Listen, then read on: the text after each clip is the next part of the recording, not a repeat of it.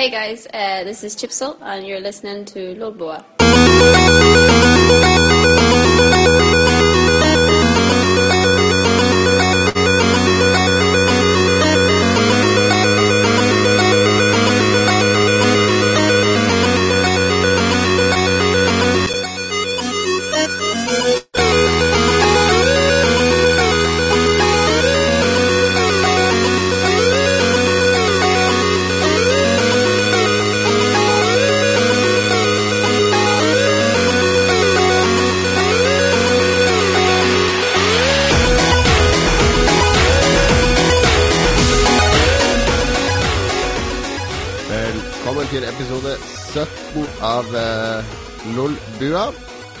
Velkommen, Lars. Uh, yeah, man. Og velkommen, uh, Magnus. Mange takk. Uh, kjente du igjen uh, hun som snakka i starten der, Lars? Eh, ja, siden hun sa navnet sitt, så kjente jeg henne igjen. Det var, det var ei dame som Da jeg spurte, da du møtte oss, spurte jeg om hun var fin. Så skrev du så tilbake Jeg tror hun har mye sminke på seg. Ja, hun er jo eh, ung, og, ung og irsk. Nordirsk. Eh, hun hadde mye sjarm. Liten. eh, Du kan nesten putte henne i lomma di og ta henne med deg. Nei, hun, eh, jeg var jo møtte henne eh, forrige uke fordi hun var i Oslo for å skulle spille musikk på eh, Trolls versus Vikings-lanseringsfesten eh, på Tilt i Oslo. Eh, og det var jo veldig gøy. Til og med Magnus kom jo opp på dansegulvet bare for å stå der til hun begynte å spille, og så gå av igjen. Nei, det, det, var jo, det var jo fantastisk morsomt da å uh, danse til live-fremførelse av superheksagonmusikk. Det er jo noe du har drømt om lenge, Lars. Det, jeg vet ikke om jeg hadde drømt om det. Det er sikkert fordi jeg ikke hadde tort å drømme om det. Men uh, hvis jeg hadde vært der, så skulle jeg definitivt vært med. Det er lenge siden jeg har vært på et dansegulv. Jeg tror du hadde klart å svinge deg på det dansegulvet her. Nei, det var, det var morsomt. Jeg fikk eh, et lengre intervju med henne som jeg har tatt opp på uh, opptaker. Det er 25 minutter. Som eh, vi tenkte vi skulle legge ut som en egen sånn spesialepisode. Intervju med Chip selv. Fordi til tross for at hun er ganske ung, og bare et par og tyve år, så har hun jo satt store spor etter seg i chip-musikkmiljøet. eh, spesielt etter Superhexagon-soundtracket. Og i intervjuet så snakker hun annet om et nytt sånn romspill som hun jobber med musikk til, der hun skal lage ganske annerledes musikk enn den som var i Superhexagon. Eh, men jeg rakk også å snakke litt med om åssen hun begynte med chipmusikk og sånn. Vi kan jo høre et lite utdrag fra det lengre intervjuet her. Um, I was about uh, 16 and I heard um, Saber Pulse, who's an Egyptian artist, and he did a lot of um, sort of like uh, he used like the amend break a lot. He had this like he had um, kind of created this chip break genre, um, and he did a lot of like dance style chiptune, and Yeah. he was quite well known for it. So he was the first person that I'd heard of, and then. Um, so I started. I, I joined 8-Bit Collective, which was like the community for chiptuners and stuff around the world. And then I kind of just got more and more into it, and I got myself sorted with like the, the Game Boys and a copy of LSDJ, and um, yeah, I just I, it was just mainly a hobby to begin with, and I spent about like sort of clicked right yeah, it was. Um, you know, I, I, I just got it, and then I, I I was so excited whenever I got it because I didn't have a clue what I was how I was going to work it or how I was going to do it. So I just went through these tutorials, and then as soon as I knew what I was doing, I was just like writing about a song a day. So, um, but did you do any delve into music before that, or? um, I used to play uh, violin whenever Yeah. I was um, from the age of about eight till I was about fourteen, but it never really kind of caught. It, it never really stuck with me because it was like. Um, you know, I enjoyed playing as part of like an orchestra and like having the whole thing come together, but I didn't really enjoy just playing one instrument because I kind of felt limited. Like it wasn't. I wanted to kind of create the entire tracks and stuff myself. And I also like I'm quite stubborn in the way that I don't like people telling me what to do. So uh, I didn't like the idea of having to practice to get Yeah. good at an instrument. So you know, like playing off songs as opposed to just doing what you want to do. So. En eh, bestemt ung dame, men veldig sjarmerende ung dame, det der. Og vi, vi prata ganske mye om, eh, blant annet om sangtitler og litt sånne ting. Så jeg tror det ble et ganske artig intervju for de som er interessert i chipmusikk. Ja, skulle jo sendt inn spørsmål til det. Jeg kom jo på masse spørsmål her. Men du spurte dem kanskje. Jeg gleder meg til å høre intervjuet ditt. ja, nei, du får glede deg. Jeg skal prøve å få lagt ut eh, sånn fredag, så blir det fint eh, helgemateriale for alle Lolbua-lyttere. Kan jeg be om en liten spoiler? Eh, Eh, ja. spurte, du, spurte du om å spille sjøl, da? Når hun spiller musikk? Nei, hun spiller eh, computer game. Ah, ja, ja. Jeg hun, eh, fikk inntrykk av at hun spilte, men hun er mer sånn casual-spiller enn noe sånn hardcore. Men sånn Skyrim og Skyrim er et av favorittspillene hennes, fikk jeg inntrykk av. Ja, ja. Nei, men kult. Kult, kult. Eh, og så må vi plukke opp tråden fra forrige gang. Eh, forrige gang var jo Gullstikka spesial, og den overlevde jo både jeg og Magnus torsdag forrige uke. Og vi hadde jo på forhånd eh, Hele forrige program så satt vi og gjetta hvilke spill som kom til å vinne de ulike kategoriene. Og åssen gikk det, Lars? Jeg ser det står et firetall bak navnet ditt der. Jeg må ikke røpe for mye her eh, før vi har gått gjennom alle kategoriene. Men jeg er vel ikke helt fornøyd med greia. Jeg fikk jo live-oppdatering underveis på eh, Face. Ja, det er riktig, det. Styrte på og ble bare surere og surere. og nå ligger jo nesten hele sendinga ute på YouTube delt opp i forskjellige klipp. Jeg ser at de har mellom sånn fire og seks views hver. Så det kan jo være eh, det, det er jo fullt mulig å se hele showet for de som vil, men jeg, jeg må innrømme, når jeg satt der i salen, eh, Magnus Jeg satt jo faktisk eh, omtrent på fanget til han der konferansieren. Jeg satt jo så langt fram så det var mulig å komme på det rundbordet som omtrent var oppå scenen. Så det var jo var helt uh, kurant stemning der jeg satt. Jeg syns konferansieren var morsom nok i forhold til hva som har vært før. Uh, men, men når jeg så litt på de klippene på YouTube, så ser det jo bare så utrolig kleint ut. Ja, det, jeg kan tenke meg det ser litt sånn klassefest ut. eh, Eller julebord, i hvert fall. Ja, Eh, Jeg vet ikke. Jeg syns jo det var helt sånn kurant uh, underholdning. Uh, han fortalte bare vitser jeg har hørt noen andre fortelle før han. Fra hans Ja. eget liv. du, du vet jo at han er mann til komikerfrue.no. Er han det, ja? Ja, hun er jo sånn fotballfrue. Ja, ja, stemmer, stemmer. Men eh, jo, det var helt kurant. Var, men eh, ja, du satt jo helt forrest, så du ble jo eh, mål foran et par ganger, gjør du ikke det? Eller i hvert fall Synne fikk høre det.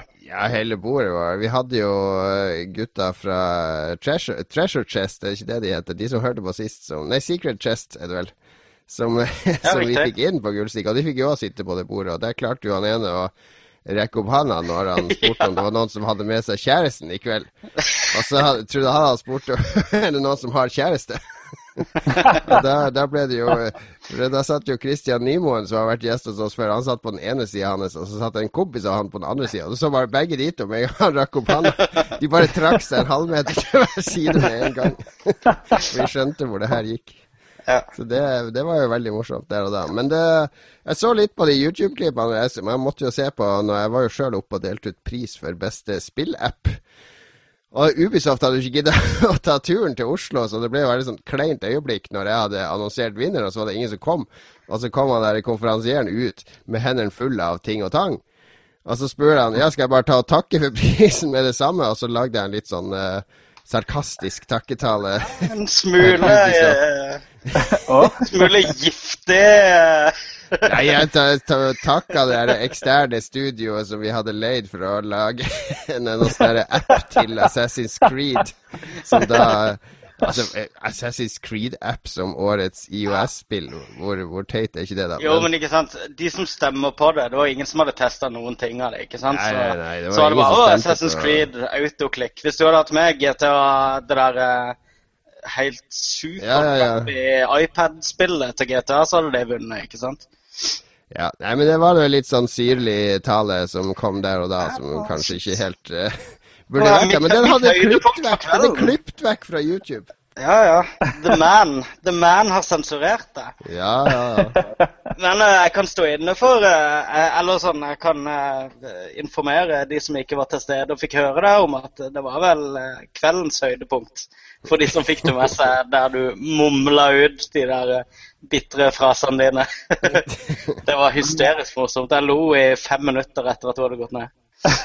Men la oss være geniale, radiovennlige. Og så kan jeg jo spørre hvordan, hvordan så det ut der det var? Liksom? Hvordan eh, ser det ut på en gullstikka-greie, vi som ikke gidder å se det her på eh, YouTube? Fordi de klipte bort Jon Cato Lorentzen.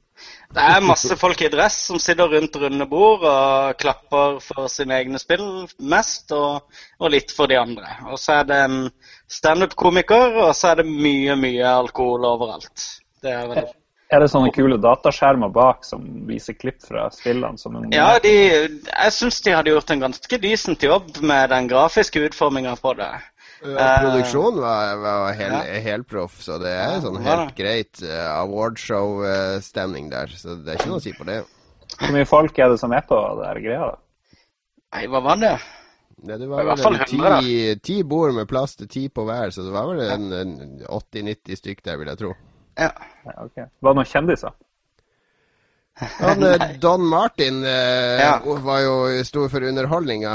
Ikke han Mad-tegneren, men han eh, norske hiphoperen. Her må du si det. Jeg avslører min alder nok en gang. Kaptein Splats. um, ja, så var det jo han der Burås som var konferansier, og så var det noen kjendiser der. Det var vel ikke Nei, det var ingen. Fløyt ikke av dem. Ja vel. Ja vel. Så delte de ut masse priser, og det hadde jo vi gjetta på fra før. Men det som var kult, var jo at uh, for eksempel når Battlefield fikk pris, så hadde de videoklipp fra noen i Dice som var takka. Og når det var et spill til, hva var det, som der de også hadde video? Ja, Fifa-prisen, der var det også video der han produseren til Fifa takka. Så og det er kult, for det, det var noe vi husker vi maste om helt i starten av Gullstikka i juryen, at du må få, få de som faktisk har laga spillene, til å eh, få en respons fra de på at de har vunnet. ikke sant? Sånn, Ikke sånne bare videoer har vi hatt i, i mange år på Gullstikka. Jon. Ja, men det, det var ikke noe av det i fjor. Var det ikke det? I fjor var det videoklipp av Jens Wass i Ja. Danmark fra Nordic Game Supply som takka. Nei, altså det, det var et par år så var det det, men de klaga at det var så vanskelig. Men nå i dag, når de, Ja. du ser jo hva vi får til med, med strikk og binders. Altså Det er ikke vanskelig å få en videotakk fra Nei. Ken Levine for at Bioshock har vunnet pris, men Tror du han Ken Levin, eller hva han heter, hadde gidda å gjøre det? Det er jo spørsmålet, kanskje. Nei, altså hvis Takka han eh, også? Jeg lurer på om han også takka for en uh, Bioshock-greie på Ja. Gullstikka, har han ikke det? Kanskje han gjorde det. Kanskje han gjorde det. Jeg, husker jeg, jeg syns de klippene var kule, i hvert fall. De var, Ja, jeg det var flere av de, og de var bra. Så, nei, men du, det var ikke noe å reise med for, uh, Lars. Det var en, eh, det var en artig fest. Det er artig å mingle med, med kjente og gamle og nye. Og, Det var over litt kjapt, kanskje. ja, Det var, det, det var litt sånn følelse at kvelden var over idet i det, uh, underholdninga var over der. ja, jeg, jeg, jeg følte ikke det var så mye stemning for å bli i det hele tatt. Alle snakka om å gå, liksom. Det var litt ja, så var det jo en annen fest rett oppi gata som mange Ja, ja, det var det så folk det jo snakket om. si. Ja.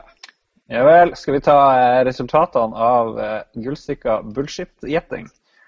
Ja, vi kan jo gå gjennom de vi gjetta på. Eh, årets casual-spill, der gjetta vi alle at det ble Minecraft, og det ble det jo òg. Så det var jo utrolig klokt og kunnskapsrikt av oss å gjette det. Racing-spill, det ble Gran Turismo 6, som alle vi gjetta.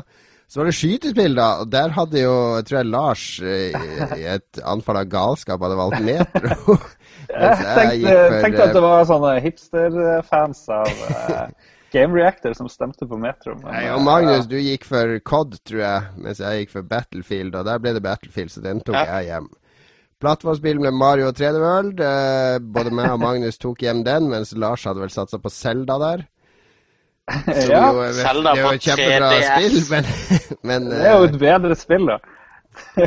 det, er- det er ikke. Actionspill, det var her jeg dreit meg ut, for på actionspill så tok jeg Last of Us, mens dere tok GTA 5, og det ble GTA 5, så det var ett Yes. poeng til hver av dere.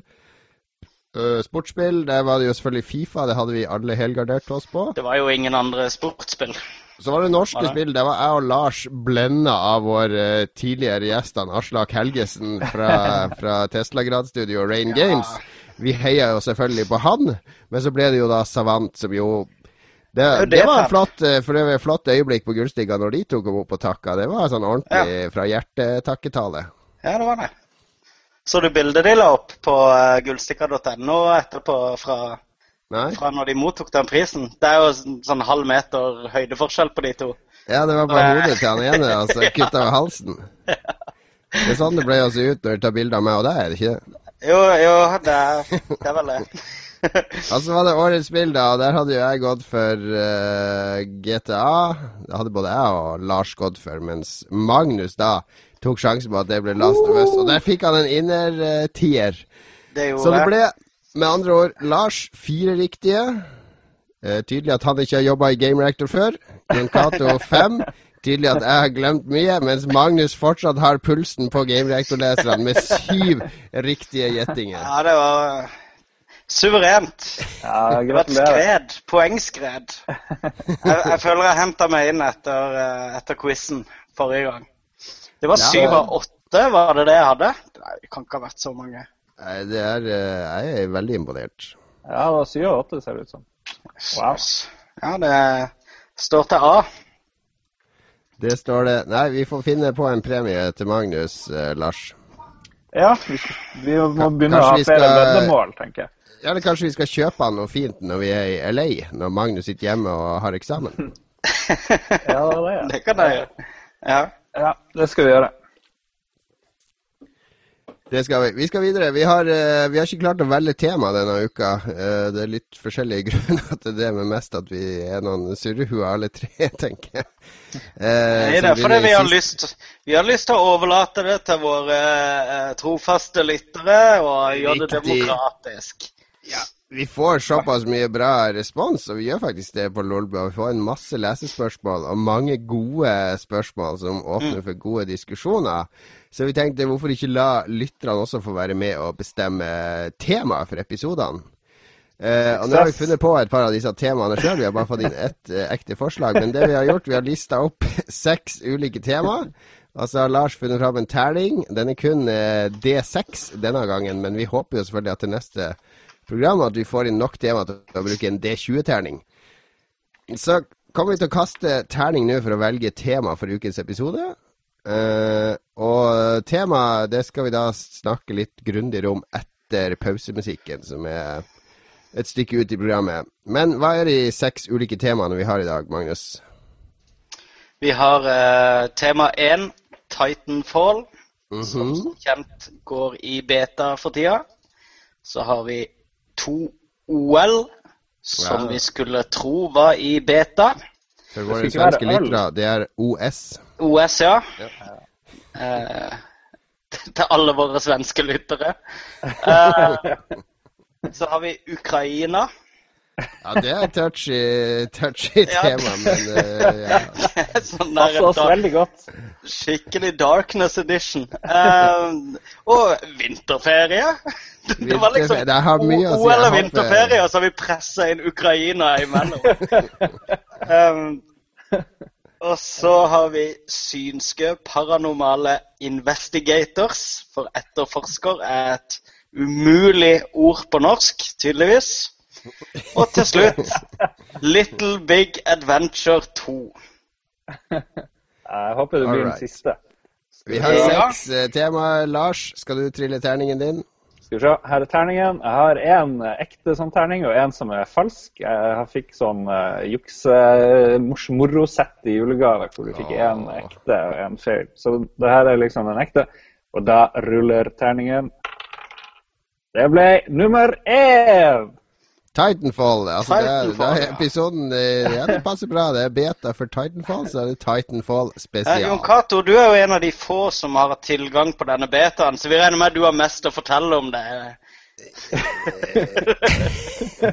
Jeg har litt å fortelle om det, men vi får spare det til vi skal ta for oss temaet eh, etter pause. Det her er altså Titanfall spesial med Lolbua. Vi er så vidt i gang, selv om vi allerede har skravla i 20 minutter.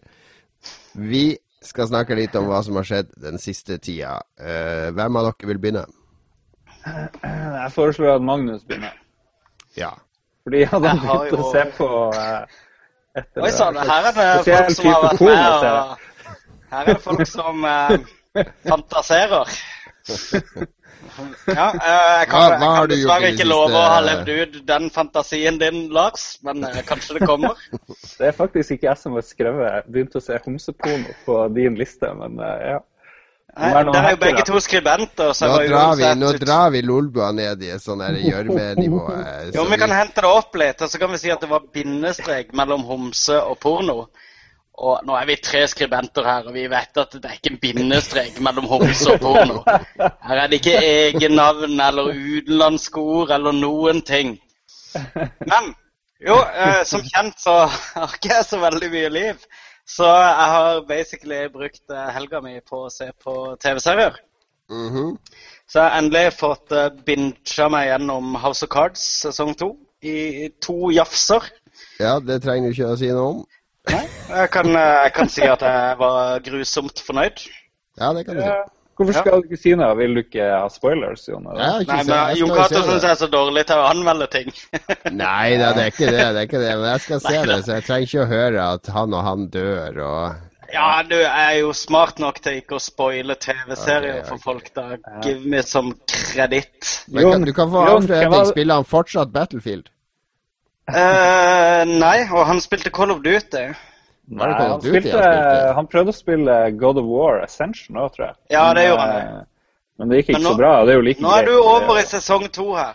Ja, men å ja, unnskyld. Men jeg, jeg skulle Nå er bare du i gang med spoiler. Du har ikke du... Det er jo ikke noe spoiler, det, da. Men Jon, hvem var det som spoila slutten på eh, den der uh, samurai-filmen Ghost Dog? Ja, det skal jeg fortelle. Det var Torbjørn Solbakken. Var ikke du med på det? Jo, jeg var, var jeg som ba han sende meldinger.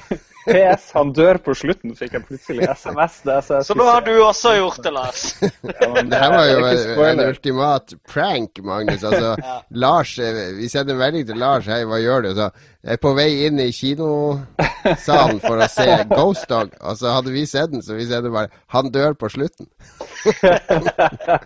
det er uh, ganske nasty. Jeg husker um, nettstedet Something Awful. De pleide eh, på den tida da Harry Potter-bøkene var så veldig crazy, så pleide de å lure inn i teksten, bare sånn midt i tekster og nyheter og sånne ting. Så sto det bare sånn 'Hermione dies' plutselig midt i en setning. Sånn at du, kunne- det var umulig å forberede seg på det, da. Men der de liksom, liksom spoila bøkene.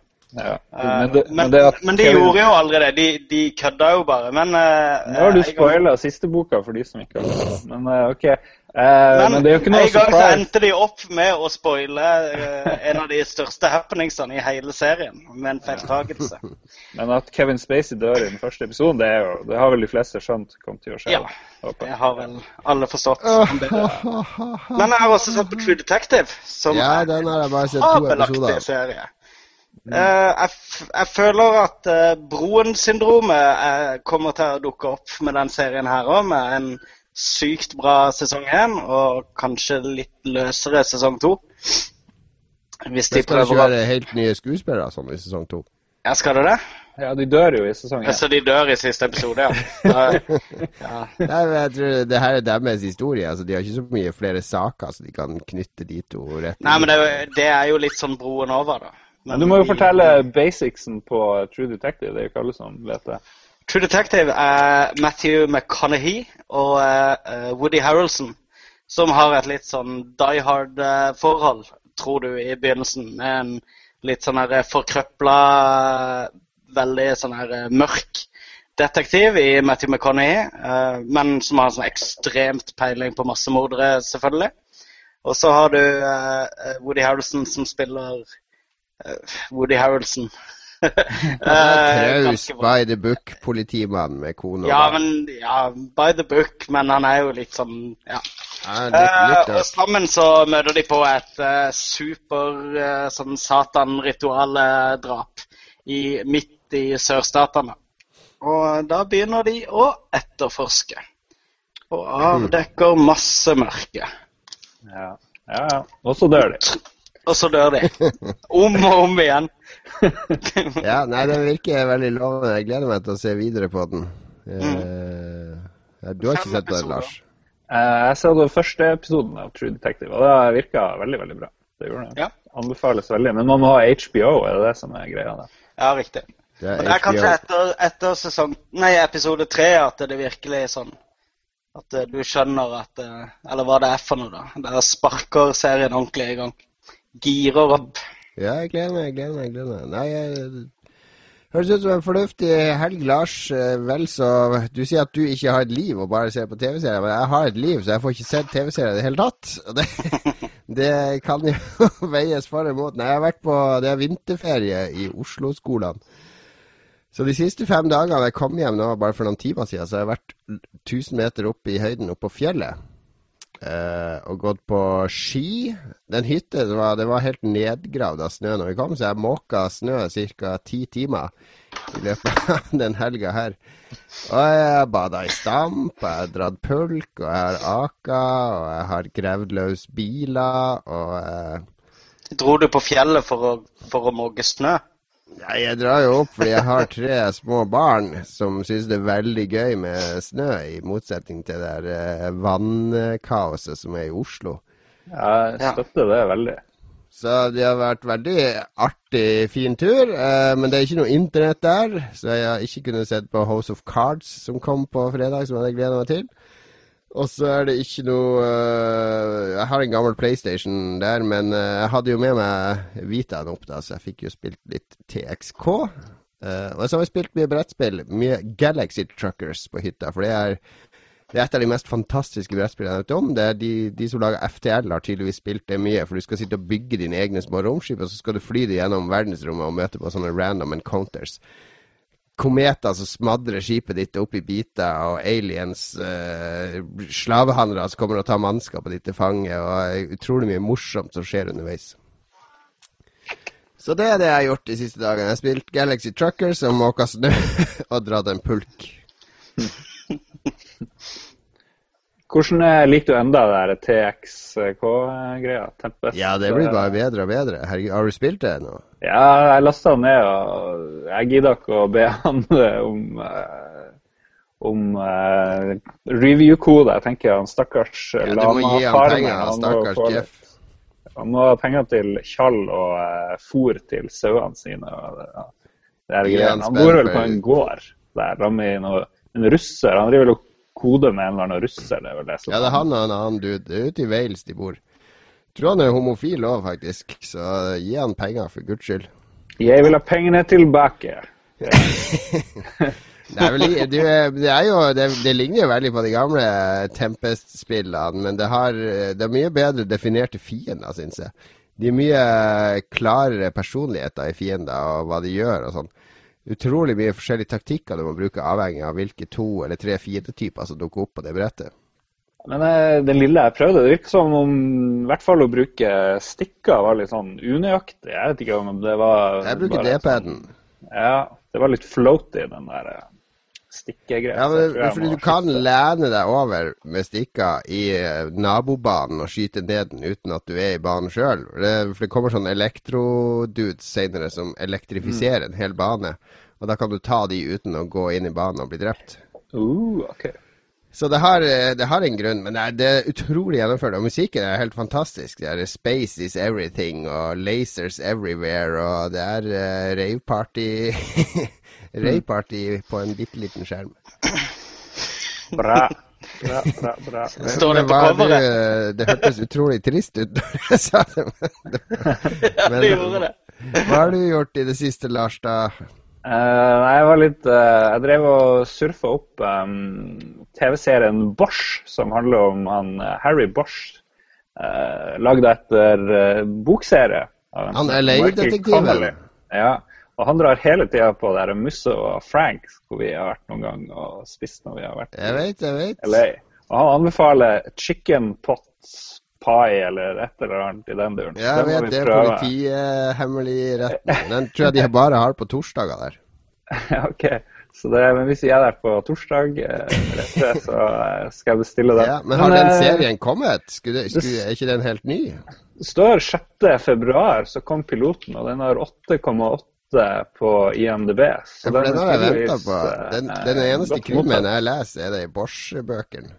Å ah, ja, jeg visste ikke at du hadde lest det. Men det er i hvert fall en som heter Titus uh, Welliver, som uh, spiller han der Bosch. Så ser jeg på bildet, og kjenner han igjen. Jeg vet ikke hva han har spilt i, liksom. Men jeg vet ikke om jeg var så supergira på han som han, Harry Bosch. Jeg tenkte på han som en litt sånn eh, eh, pensjonert fotballspillende Ja. detektiv. Litt mer sånn tett og stocky. Men ja, ja. Men den du hvem buksa har på, jeg vet du hvem jeg tenker på når jeg tenker på Harry Bosch? Nei? Han Fork Parker. Profilbildet til Fork Parker. Det er Harry Bosch. Er det han der kalde føtter-duden som uh, spiller hovedrollene? Er det ikke det her, da? Jeg vet ikke. Nei. Jeg vet ikke, jeg vet ikke hva kalde føtter er for noe. For å være ærlig. En sånn her feel good eh, britisk TV-serie som har gått på NRK i 3000 år. Ja, ikke det er. Som sagt, det det er du som har tid å se de seriene, Magnus. Det er, Tydeligvis.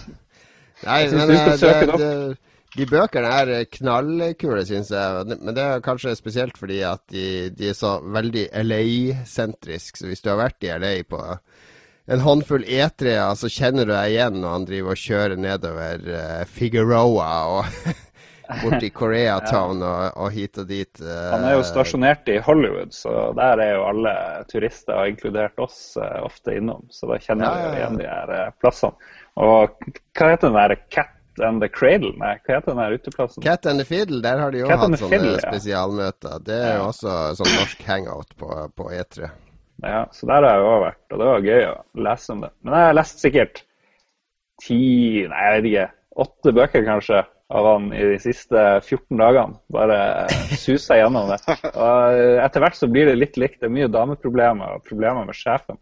Men ellers så er det godt skrevet. Det er lite tull, liksom. Det er mye rett på sak. Og... Ja, det er like rett på sak-greien. Nei, men Kult at den serien har kommet. Det er enda en serie jeg kan putte på lista over ting jeg skal si. er, har den begynt, den serien, eller? Det sto at det var sendt 6.2, så det går an å sjekke det ut i hvert fall. Eh, ellers så prøvde jeg å se Rad Crew live på Twitch. Eh, Mhm. Og eh, de er jo ufattelig mye mer teknisk eh, enn vi er. De hadde sånn GIF-animasjon på skjermen. og eh, Live view av der eh, Twitch Plays Pokémon hadde de òg limt inn. Bortsett fra at de mista connection og var ganske dårlig bredbåndløsning, tydeligvis. Men eh, de var fancy. De er, de er kanskje noen kilo tyngre enn oss. Det er kanskje eneste forskjellen. Eh, Og en Og dude så hadde jo de, mye eh, skjegg. Ja, det var mye skjegg der, det så jeg jo. Ja, Noen kilo. Ja, ja, jeg, jeg, jeg er ikke akkurat en lettvekter lenger her, Lars. Men Nei eh, da, vi driver jo og tar igjen her ganske hardt. Så, men de, av og til har de oss De har dame med, det er pluss, og så har de en dude med masse skjegg, og det føler jeg også er litt sånn nerd-cred. Så det, vi har jo hatt med Frank, da.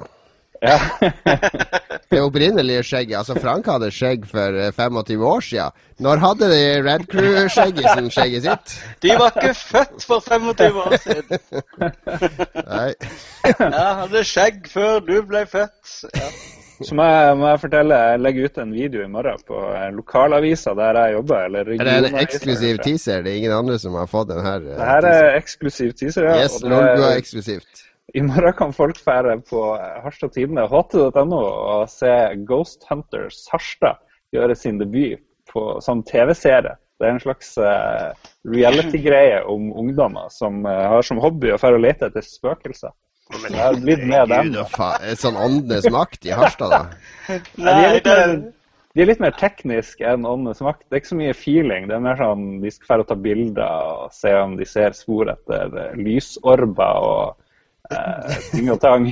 synes det hørtes litt sånn Hardy-guttene ut først. Sånn Jeg tror vi òg og etter spøkelser i Harstad da jeg vokste opp der. Jeg skal ikke legge Vi hadde Det var ikke dere og leide etter spøkelser nå for ikke så lenge siden i en kjeller eh, nede i sentrum her? Ja, det var mer å lete etter nazi, minner fra naziokkupasjon og sånne ting. Ikke så mye spøkelser. Men, ja, okay. men eh, er du med i det programmet da, Lars? Er det du som har filma og laga det? Nei, det? er jeg som har filma. Jeg, jeg er alt. Jeg er klipper og alt mulig. Og det Har du inntatt en sånn Tom Sterry-rolle med sånn her eh, Hun satt alene da hun følte en vind, og hun snudde seg, og vinduet var igjen. Hvis jeg hadde hatt en mikrofon og et eh, kontor hvor det ikke var mye bråk, så kunne jeg lagd sånn voiceover. Men det, det blir ingen voiceover. Det blir mer sånn eh, hardcore dokumentarstil på det. Så Det høres ut som eh, du bruker lolbua til å kritisere arbeidsgiveren din litt. Ja, nei, En men sånn det er litt passiv-aggressiv kritikk av eh, arbeidsforholdene i håp om at Nei da. sjefen skal høre det. Ja, jeg håper ikke han hører det. Du er fucked uansett hvis, hvis Nei, men det er min skyld. Det er min skyld. Det er oppgave. Jeg har fått et kontor jeg kan flytte ting inn i, men um, ja det, det, Jeg skal få gjort det. Men jeg, det jeg mest vil overtale sjefen om, det er jo å få en eh, Mac Pro, da, sånn at det ikke tar 1000 år å rendre filmer og klipp og alt det der. Så Det det bør vel- du få, Lars. Jeg støtter Yeah. deg i den saken. Nei, men se, se Ghost ut. Hunters eh, Harstad, jo. Det blir Ja, bra. jeg skal sjekke det ut i morgen. Ghost Hunters Harstad, eller GHH som det heter. Er det hashtaggen på Twitter? GHH? Eh, De har en eh, litt uh, darrig Facebook-side, det er vel det eneste. Ok. Ja, men jeg skal love deg jeg skal sjekke det ut, så kan vi ta opp tråden igjen i neste eh, program. Eh, Magnus, eh, hvis du klarer å forstå eh, dialekten i klippet, så kan jo du også sjekke det ut. Og være Ja, er det, det er tekster, er det ikke det? Ja, ja, ja. Det er nok det. Er det tekster på sånn her nordlendingskrift? Nei, det er tekster på sørlandsk. Har dere skrevet det på sørlandsk? Ja, ok. Ja, bløde konsonanter. Bløde konsonanter. Det er flott. Vi skal videre i programmet. Nyhetsoppleser Lars sitter klar med noen helt ferske nyheter han skal ta for seg.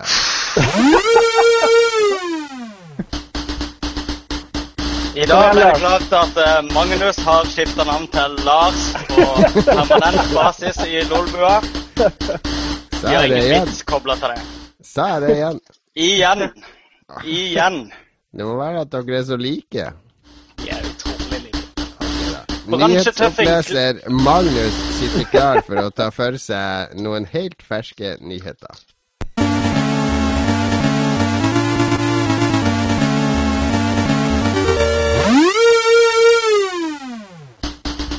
Bransjetøffing Cliffy B har i et intervju med nettstedet Kamasutra Gamasutra lova på tro og ære at han aldri mer kommer til å lage et spill for fysisk salg, da han innser distribusjonsmodellen for avleggs.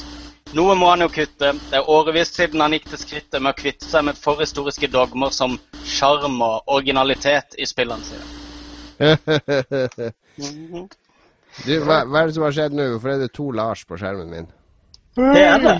Åh, Hører, hører det dere er meg? freaky! Du, Ja, du har du- sagt Lars du så mange to. ganger. Det er sånn Candyman-effekt. Nå har du sagt Lars så mange ganger at du har conjura frem en ekstra en. Det er, jeg datt plutselig ut her, og så eh, De sier jo ikke de samme tingene en gang, Jon. Det her er, det er sånn extended teaser til den Ghost-greia hans. Ja, det er akkurat det. Ok, for dere som hører podkast nå, Vi sitter i sånn Google Hangout, og da er det sånn lite bilde av oss tre nederst til høyre, og så er det sånn stort bilde av han som prater, han som har lyden. Men nå har Lars har duplisert sitt bilde, så nå er det to Larser der nede. Og den ene han ser blek og litt sånn der eh, i dårlig forfatning. Å, der forsvant han. Ja, det, ble han drevet vekk. Ok. Tilbake til nyheten. Hva var det du snakka om nå? Cliffy B etter da? Vi snakka om Cliffy B, som Han har vil ikke bli eh, kalt det. Hva er det han heter? Cliff Blezinski, heter Cliff han Blesinski. egentlig. Um, Og hvem er Cliff Blesinski, for de som ikke vet det? han uh, står bak uh, Unreal-spillene, gjør han ikke det? Unreal Tournament Unreal. Og um, enda lenger tilbake Jackrabbit. Just Jackrabbit, ja. Helt riktig. Men mest kjent for uh, Gears of War i nyere tid. da. Yes, for de yngre. Og, eh, og ikke minst i iPad-spillene uh, eh, Hva er det for noe? Uh, nei, jeg husker det ikke engang. Er, eh, ja, det er Unreal et eller Ja. annet. Det der grafikkrunk på iPad. men ja. nyheten var at han aldri mer kommer Han- til å lage et spill som skal selges fysisk. Ja, nå skal det aldri mer Han mener at det der med å liksom promotere seg via spillblader og, og annonsere ting på E3 og uh, eh, forhandle og liksom prøve å selge seg til Walmart og disse store kjedene og sånn, at det er en avleggsmåte å distribuere seg på. At uh, fremtida er diskløs, da, mener han. Og at uh, han kommer ikke til å produsere for det fysiske markedet mer. Og det er jo ikke så langt unna egentlig der resten av Nei, bransjen det, er på det er jo logisk, det, da, men du må jo Ja. fortsatt ut i magasinene, og du må jo fortsatt uh, promotere spillet ditt. Altså, Du må jo få det opp og frem og kjent, selv om du slipper å forholde deg til Elkjøp og GameStop og alle andre som skal forhandle med kniv på strupen din. Jo, men eh, spill, spill promoteres annerledes også. Hvis du ser på Steam f.eks., så foregår det markedsføringa foregår på en helt annen måte for, for de spillene som går bra på Steam, da, enn en de mer sånn tradisjonelle titlene. Så um, det har sikkert noe for seg. Jeg, jeg syns ikke det er sånn veldig oppsiktsvekkende ting å liksom utbasunere i media og liksom sånn her ja, han, er- han er jo sånn Twitter-klovn av og til, syns jeg. Han skal Ja, han er jo utrolig bastant og kul. Ja, Men, men eh, har han, har han utbasunert noe som helst? Det er jo sikkert en journalist som har snakka med han, og så har han blant annet sagt det. Eller var det liksom et Ja, det var et intervju, da. Så, men han var veldig hardt ute. Men han er veldig hardt ute mot alle, ikke sant? Altså, han skulle, han skulle aldri mer lage et Hva var det han sa? Han skulle aldri mer lage et spill med en historie. Det var det han sa da han slutta i, eh, i Epic. Uh, han er jo uh, Er det ikke Epic, det, da? Jo. Jo, Epic. Eh, han er jo glad i å ta ting litt langt, da. Se der, pop. Oi, er det på whisky? Jeg var tom for øl i dag, så det er Lafroig, sponsa av Lafroig i dag. Oi sant. Jeg hørte det på Korka at det var Lafroig. Slik taler en alkis. Slik taler en alkis, ja. Ja, nei, men det er jo uh, eh, ja, det, Blir ikke det som å si at uh, en musiker sier at nei, du skal bare gi ut uh, musikken min på iTunes og Spotify? Jo. Altså, Jo, hvor er sjokkeffekten? Nei, nei, si det. Men uh, han har jo hatt dette her med å han, han mener jo sjøl at han går paven, taler paven midt imot hele veien. Men jeg, er enig. Det er ikke noe, det er ikke noe stor oppsiktsvekkende uh, nyhet. Men så har det også vært en, en lite nyhetsoppsiktsvekkende måned vi har, eller uke vi har lagt bak oss. da. Ja, bortsett fra sånn neste nyhet som kommer nå. Ja, som er Bioshock-skaper Ken Levine har sagt opp hele studioet sitt for å starte på nytt med 15 mann og nye ambisjoner om å lage historiedrevne spill med høy gjenspillingsverdi. De biosjokkerte ansatte som måtte gå, får lov til å bli i studio noen dager for å skrive CV-ene sine, forteller Levin i en bloggpost. Vi regner med at fansen fikk et skikkelig systemsjokk av nyheten. De var biosjokkerte og fikk et Åh, det blir ikke morsommere enn eh, det man lager selv. Jo, Systemsjokk er det er ett ord, Jon Cato. Ja, det er det, ja. ja. Nei, men eh, det er jo eh, tidenes mest emo oppsigelsesmelding at beklager ja. alle dere to når dere må gå fordi at jeg skal finne meg sjøl.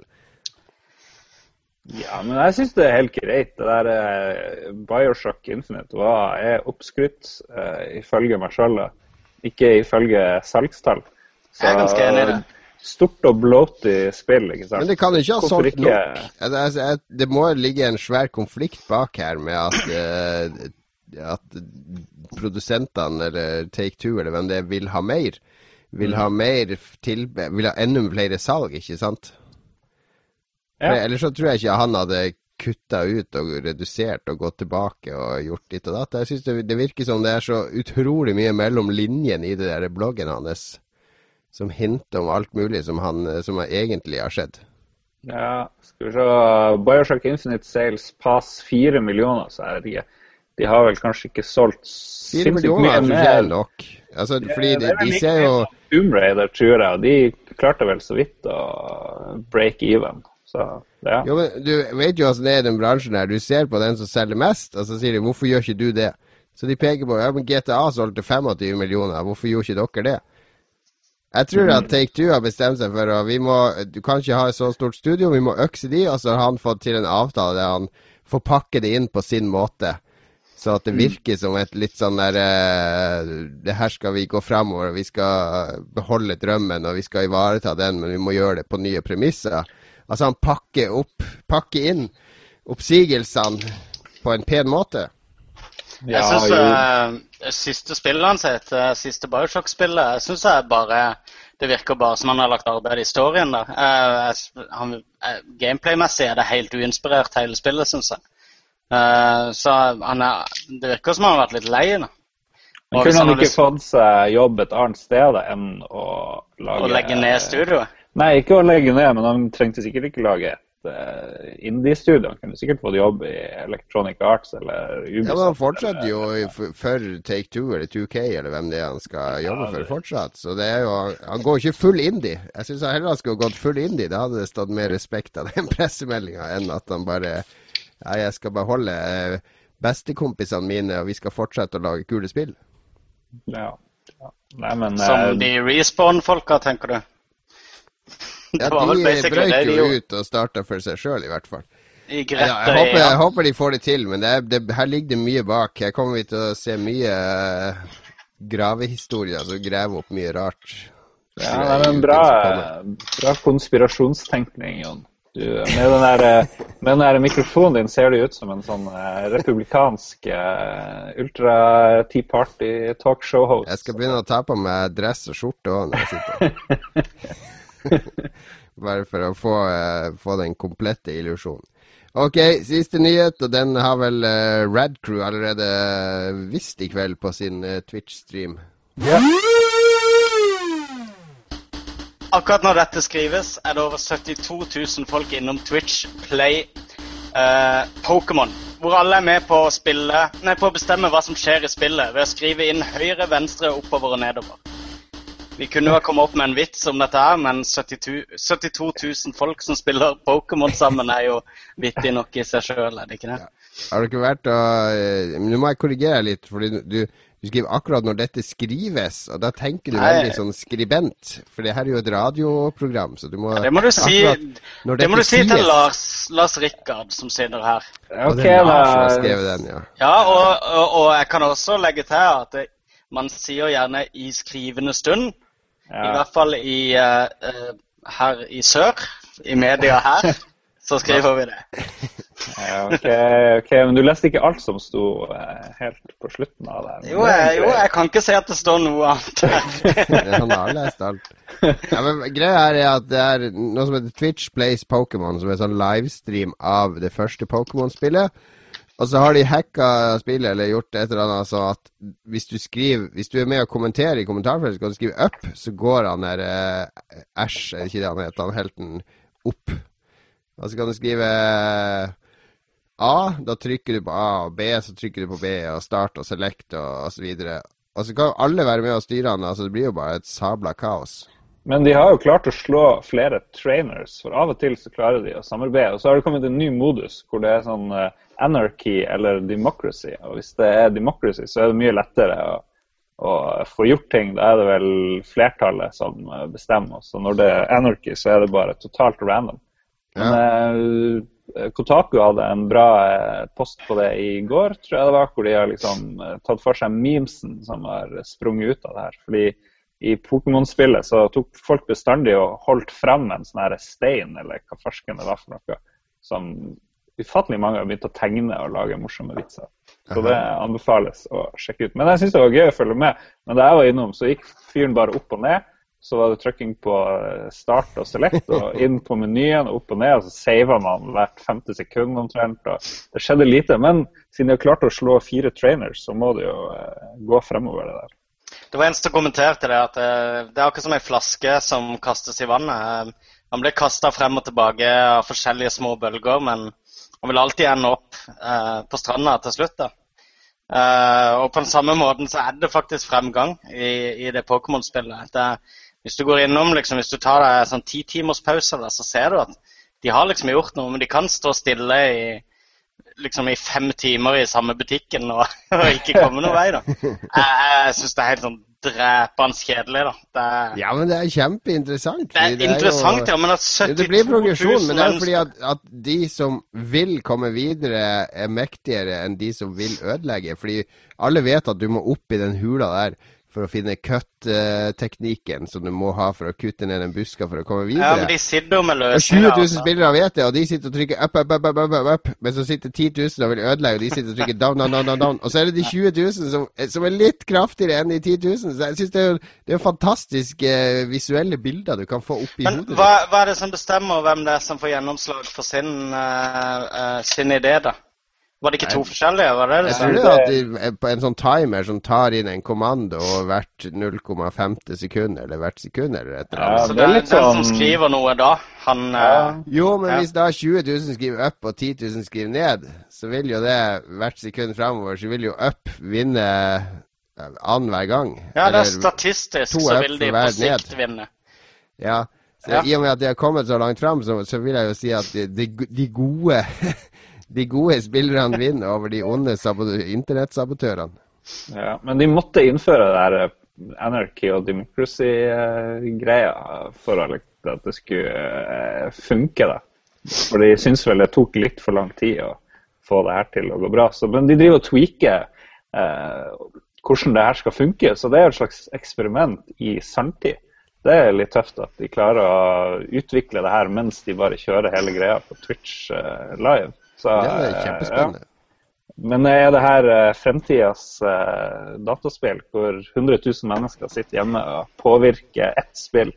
Det er jo norske drømmespillet, da. Det er dugnadsspillet der alle, alle er med og drar og Ja, er ikke, det- men det er, jo, det er jo litt sånn overforbart til sånne gameshow, sånn som det er én mot 100 og sånn, der én Ja. person skal gjette riktig mot 100 stykk og sånne ting. Altså det, det er jo finnes jo spillkonsepter der man må være ganske mange som skal dra i samme retning, eller som kan dra i forskjellige retninger. Så jeg syns det er all multiplayer som utvikler seg utover deathmatch eller MMO-strukturene som vi har i dag, jeg syns jeg er interessant, bare sånn for å studere.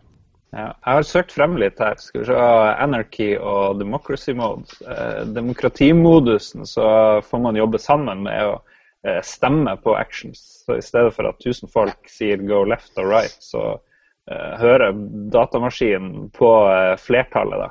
Men så samtidig er det her at for å switche fra demokrati til anarki, så må 75% av Kan man stemme på det òg, da? I, I tillegg til nord, sør, øst og vest, A og B og select start, så kan du skrive anarchy eller democracy. Og hvis nok folk vil ha anarchy, så blir det det. da. Hvis nok folk vil ha democracy, så blir det, det den modusen, på et vis.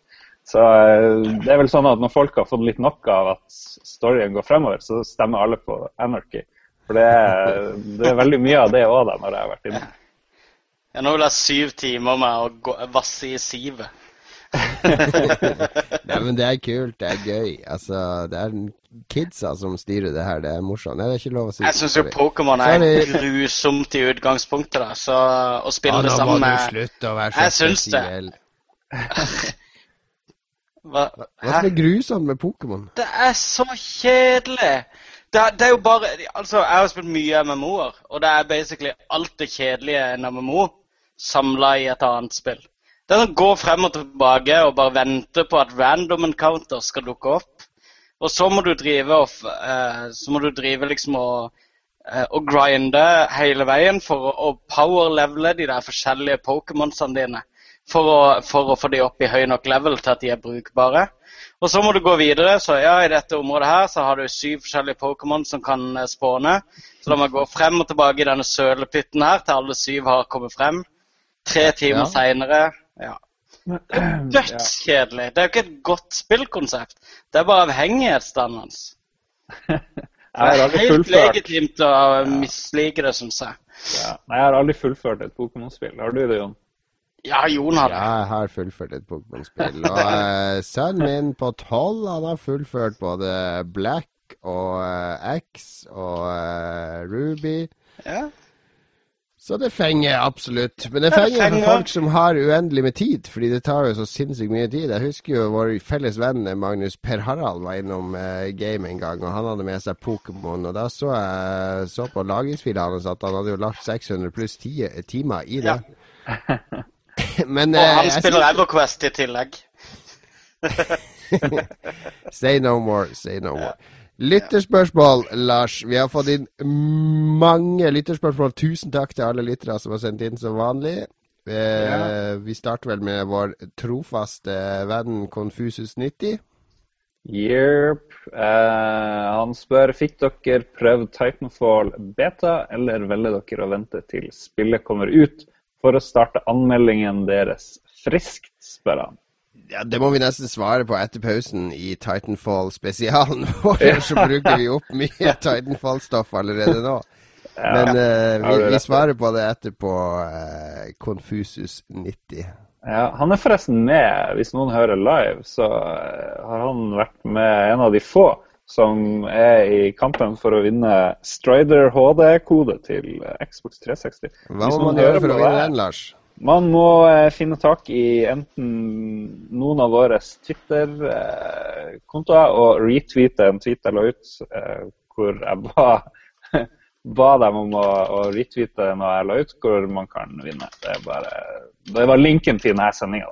Det var liksom et lite eksperiment, og det, jeg tror ikke det var så mange som var retweeta. Så jeg tror det, Confusus har veldig god sjanse for å vinne det her, altså. Og hvordan, Altså- får, eh, hvordan får eh, alle de som sitter og hører på podkasten igjen det minuttet her? Beklager. ja, men det er jo en fin premie, da. Jeg har spilt Det er fin premie. Vi har fått flere ja. lytterspørsmål. Skal vi se Han Ferravåg eh, har Hoppa du over han B. Zeromus? Det er vel samme hvordan, eh, hvordan retning vi tar her. OK, Jon. Kan du lese opp han Zeromus, da? Siden du er så Han glad i han. Zeromus på Twitter. Jeg lurer på om vi har fulgt med noe på Twitch Plays Pokémon, og det har vi jo nettopp Det kunne vi jo fint Det var bra, Jon. Cato. Det var godt Ja. Men han, han skal jo bli nevnt i programmet. Han har tatt seg bryet med å kontakte oss. Og så syns jeg vi skal gjøre det i rekkefølge, ellers så vet du aldri om vi har tatt alle, Lars. Er det mulig at du i din hjerne klarer å koordinere disse hopp og sprang opp og ned, men uh, I hvert fall ikke etter all den knirkinga av dømme, så tror jeg det blir vanskeligere og vanskeligere. Etter den knirkinga av korka der, ja. Yes, da, vi kan gå rett videre til, til Ferravåg. Hei til deg, forresten. Påstand. Godt spennende gameplay kan redde en dårlig story, men ikke motsatt. Grei ut og drøft. Eh, ja Kan godt gameplay Nei, kan dårlig Kan en god story redde dårlig gameplay? Jeg vet ikke. Uh, det er jo bare å se på alle de her David Cage-spillene, er det ikke det? Jo, altså Sier du må, at de har må god se, story? du må se på hva du definerer som godt gameplay, da.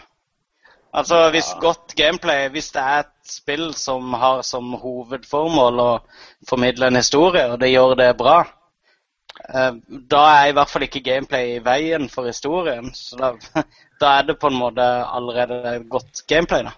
Jeg vil jo si at Heavy Rain ikke hadde gameplay egentlig nesten i det hele tatt. Sånn Ja. Unntaksvis. Men en god story. Jeg er i jeg ble av. Ja. Det var forkledd som et adventure-spill, men det var aldri det. Jeg er enig i det. Jeg, jeg, og jeg var fenga av Heavy Rain. Jeg syns det var en dritfett story, og eh, jeg er helt enig. Gameplay-messig så var det kanskje ikke all verdens.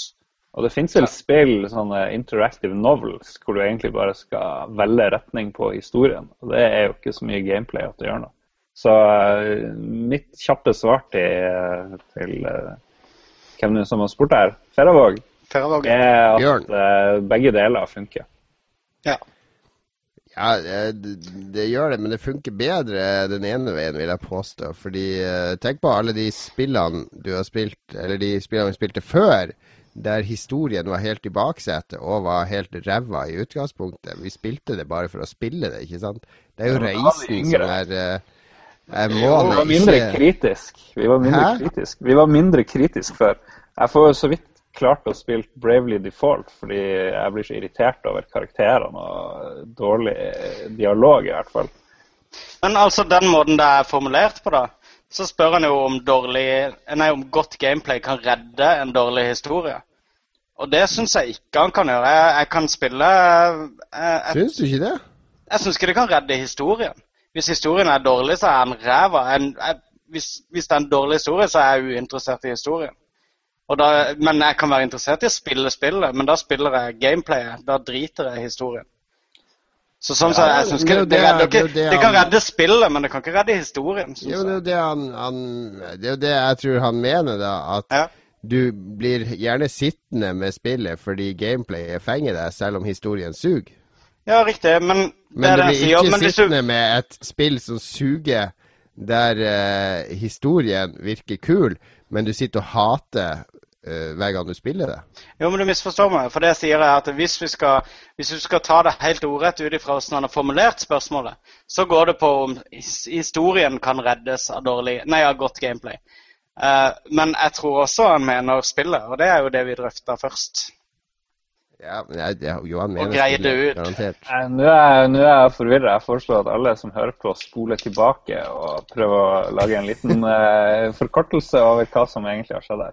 Skal vi se, Thomas Heger eh, spør hvilken tegnefilm fra vår barn- og ungdomstid eh, ville vi sett blitt spilmatisert som ikke allerede har blitt det? Det er jo et eh, veldig godt spørsmål. Ja. Tegnefilm, tegneserie òg. det er jo mye fra barndommen man kan hente det. du kan der. jo ha et pek og klikk-eventyr basert på det der uh, Arkadia. Det der Reisen til jordens indre, den franske Shagma. serien. Men det, ja, Ja, Shagma, ja. det var veldig bra da, da jeg lå på gulvet og så på det på lørdag morgen. Jeg har jo sett det i ettertid. Det er ikke så knall lenger, altså. Nei, Jeg syns det var så plagsomt. Hva, hva det heter de her to? Bikk og Bakk? Bikk. De irriterte livet Og så var det de piratene hver gang. satre pirat, eller frø. Så- Le Sacre Pirat. Sangen var med i hver episode. Ja, Le Sacre Pirat. De hadde begge sangene, faktisk.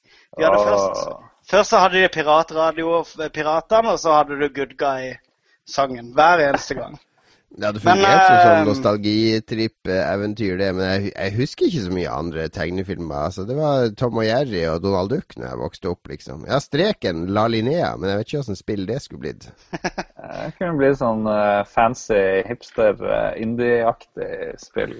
Uh, sosial kommentar og litt sånt. Jeg kan tenke meg eh, Nim. Secret of Nim. Så dere den noen gang? Don Bluth, eh, fantastisk. Disney-filmen. Don Bluth, ja. Den er dritbra. Den og, og Basil Mouse tror jeg hadde Eller Basil Moose, som eh, Han er Sherlock Holmes uh, ripper. jeg, jeg så jeg var Disney. eh, for gammel for de når de kom. Uh, Ja, det var du sikkert. Ja, jeg var vel ja, mm, jeg var vel ti eller noe. altså. Jeg husker vi leide mye den der Mighty Mouse VHS-en, eller hva farsken det var på, eh, på videobutikken oppe i Kirkenes i sin tid. Han ligna litt på Supermann, tror jeg faktisk. Ja, helt, Ja, ja. Så jeg syns han kunne få en uh, revival. Men det ærlige svaret er vel at det er ingen av de her vi egentlig savner i spillform. Nei, men Det er jo bare at du har blitt for gammel og senil her til å huske hva vi likte da vi var barn. Det er jo litt Ja, men. Liker vi spillmatisering av film i utgangspunktet? Ja, Der historien allerede er fortalt, og så Jeg vil ha The Big Lebowski Text Adventure. Kjør på. Det tror jeg fins allerede, hvis du Ja, det googler vil jeg tro. Men Heger har ett spørsmål til. Trippel A er et bullshit-begrep kun til bruk i markedsøyemed, som sier niks om hvordan spill lages og gagner ingen. Diskuter. Hva? Gjør det ikke det? Det betyr vel hvor mye penger vi har brukt eh, sånn for folk flest, og kvalitet kanskje, men i markedsøyemed, når vi får sånn release-liste, så står det jo A, dobbel A. Det står vel kanskje aldri bare A, det står vel dobbel A og trippel A. Det står A, dobbel A, og trippel A, og de, ta, de bokstavene der indikerer salgspotensialet. Altså hvor mye butikken bør ta inn av det spillet. Hvor mye de satser på det spillet. Ja, det Det har har ingenting med, med hvordan det ble lagd å gjøre. Jo, det kan eh, Jeg sjekka opp definisjonen av det, nemlig, da jeg så spørsmålet der. tidligere. Aha. Og eh, i, i definisjonen så står det at eh, det vanligvis brukes når enten et veldig stort Det er Wikipedia, dette her. Eh, et, veldig, et veldig stort utviklingsteam eller en veldig stor utgiver står bak et spill hvor de regner med å selge over én million, og hvor de har planlagt et høyt budsjett og eh, et høyt markedsbudsjett. Ja, nei, men jeg vil jo ikke si det at sånn er et markedsøyemed-begrep, som, som Hege Ja. sier. Men, Jo, eh, men det men, brukes jo ikke til noe annet. Ser du trippel A i TV-reklamer og i, i blader og sånne ting? Skriver folk trippel A der? folk, snakker trippel folk snakker om trippel A i forum og sånt, og da mener de jo store spill. ikke sant? Som, Ja, men det er fordi folk som Eh, jobber i spillbutikk, henger på sånn- spillforum. Som massene vil ha. Men samtidig så ser jeg ikke at folk skriver at Skylanders og eh, Disney Infinity og sånne spill er trippel A, selv om de selger sinnssykt mye. Så tror ikke jeg Jeg ville sagt det var åpenbare trippel A-titler. Ja, men ikke, ikke sånn diskusjon. Eller kanskje fordi folk ikke diskuterer de spillene så mye. Men Jeg husker jeg var på en pressetur en gang der de prøvde å lansere begrepet firedobbel A. Altså de, de Ja. brukte fire A, for det her var hakket bedre enn trippel A. Hvilket spill var det? Det husker jeg ikke, det er flere år siden, men uh, jeg, jeg slang inn et par roll eyes sånn at de så det.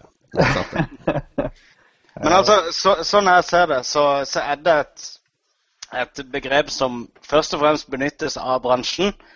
Uh, og hvis det har lekt ut i forumer og sånne ting, at folk bruker det, så bruker de det feil. Det er jo ikke, det er ikke vanskeligere enn det, enn at folk ikke forstår er det er. Det har alltid vært et salgs, uh, salgsbegrep. Ja, ja, det er jo for for- det er jo- Styrken til en tittel sånn salgsmessig. Nei, men jeg vil si det har gått videre da, fra markedsføringsbransjen og spillbransjen til folk flest. I hvert fall på Neogaf, når jeg leser der og folk snakker om trippel A-spill. Jo, men Du kan jo ikke kalle de som sitter på Neogaf for folk flest. Folk flest Nei. er jo mora di og, og, og, A- og kona mi Ok, da. Deler av folk flest, i hvert fall. Folk Men om brukes i produksjon. Det brukes i markedsføring av, Ja, Jeg sier jo ikke at det er feil, men jeg sier er bare at det har gått ut fra det. Det er, det er jo ikke et spillbransjeeksklusivt begrep. Men vi snakker jo om spillbransjen her. Det er et bullshit-begrep. Jeg er enig med Thomas Heger. Og jeg Jeg er ikke. konkluderer med at eh, trippel X er bedre enn trippel A alltid. OK. OK. Ja vel. Philip med F Skal vi eh, diskutere det noe mer, eller skal vi gå over til Nei. Philip med F sitt spørsmål? Ja, altså Philip det. Mauricio. Han spør oss alle sammen, eller han sier Ble halvveis avslørt i går Nei. Jo, at Ja, det ble Men- halvveis avslørt i går at Blizzard vil selge max level-figurer i WoW World of Warcraft for 60 dollar. Er det OK? Er det en grei pris? Ja, jeg ville betalt 100 dollar, egentlig, for Helt grei pris. kjøpe ja, kanskje 500 dollar. Muligens. ja, Alternativet er at eh, Altså, har ikke det vært hele greia med at eh, de innførte de butikkene i Diablo hvor folk kunne selge via spill og sånne ting? Det der med å ta svartebørsen over til Blizzard, der de tjener penger på det, i stedet for at andre skal tjene penger på det. Folk kjøper jo eh, leveling av characters. Og blir svindla og alt sånt. der. Det er en hårfin balanse å sette den prisen, fordi du vil jo gjerne at de her eh, 400 timene du brukte på å komme til eh, topplevel, skal være verdt noe. Og hadde de solgt de for 10 dollar, så hadde jeg tenkt OK, ja, de 400 timene mine er verdt 10 dollar. Kanskje de skulle kosta 200 dollar i stedet, så hadde du følt mer sånn verdi i alt arbeidet du putta i figuren din. Men altså Det går så raskt å levele i World of Warcraft nå. Altså, det går helt, helt sykt raskt. Det er et helt annet spill nå enn det var før. Uh, før så var det jo sånn at du kunne bruke måneder på å tjene nok penger til å få en hest på level 60. Ikke sant? Mens, uh, mens nå får du liksom en hest for en slikk og ingenting på level 20, som tar deg en halv dag å oppnå. Eh, altså, hele spillet er Nå har de bare gjort Er det klaging det her jeg hører nå? Eller Nei, er det ikke sånn, eh, egentlig. De har gjort Resignasjon, resignasjon, er det klaging, eller er det glede? Nei, Jeg jeg tror du er liker inne på det. Jeg tror du inne Jeg liker spillet ennå, men det de har gjort De har gjort alle dungeons mye kortere. Før så tok det Du kunne ta flere dager å gjøre en dungeon. Nå tar det liksom Da jeg var ung, så måtte vi gå i flere dager på skolen. Nei, nei, men, men nå tar det ti minutter. Nå, nå tar det ti minutter. Da snødde det i flere måneder i strekk. Nei, nei.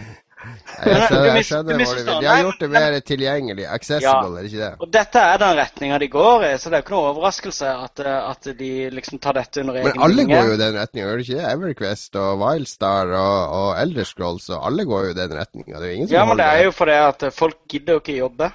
For uh... det. Det er vel heller det at folk gjerne vil jobbe. ikke bare ja. sitte og spille. vil jobbe på den måten de tjener penger på. Ja. Ja. Jo, jo, det er helt sikkert. Grei, grei pris, Philip. Nei, ja, uten å ha spilt noe som helst bort fra fem-ti minutter før jeg liksom skjønte at eh, jeg må bare gi opp før jeg blir hekta, så vil jeg si det Jeg vil skjønne at fansen blir sur. Klart det. Og jeg, men eh, jeg har litt medfølelse med de fattige karene i Kina som sitter og miner gull og leveler opp karakterer og selger dem videre og sånt. Jeg synes de skal Men det er jo ikke de som sitter greie. personlig og tjener på det. Det sitter jo superkyniske assholes som leier inn hjemløse kinesere til å jobbe for pisselønn. Det- Det kalles trickle down economics. De rike sprer eh, rikdommen sin Yes, da hørte dere det. Da Lolbua ser veldig mildt på slavedrift og Og ja. Ja, ja, ja. ja, ja. Neida, men- Eh, Øyvind Hatleskog har blitt vår eh, blitt fast eh, brevinnsender. Altså, vi, vi får jo mest tilbakemeldinger eller spørsmål via Twitter. Men eh, Øyvind sender inn eh, på e-post, eller strømpost, som det er lov å si i Norge. Og, eh, og det er sjarmerende, for da kan han stille litt lengre spørsmål og komme med litt mer uh, uh, omfattende feedback og sånn. Jeg venter fortsatt på uh, Kanskje vi skal få en sånn postboksadresse, så kanskje vi får inn postkort òg med spørsmål i framtida. Det hadde vært litt kult. Det kan vi. Jeg tror vi heller får inn Veldig NRK. Jeg tror vi heller får inn brev med Antrax og sånne ting. Men, ja. Kanskje det. Eh, Øyvind i hvert fall lurer på, eller skriver Noen gang forelsker man seg i spill som har åpenbare mangler. Om det er generelt billig produksjonsverdi, bedriten stemmeskuespilleri, spillmekanismer som ikke holder mål, og lignende. Allikevel kan vi ende opp med å omfavne sånne spill som ens favoritter. Spill vi elsker, til tross for eh, manglene.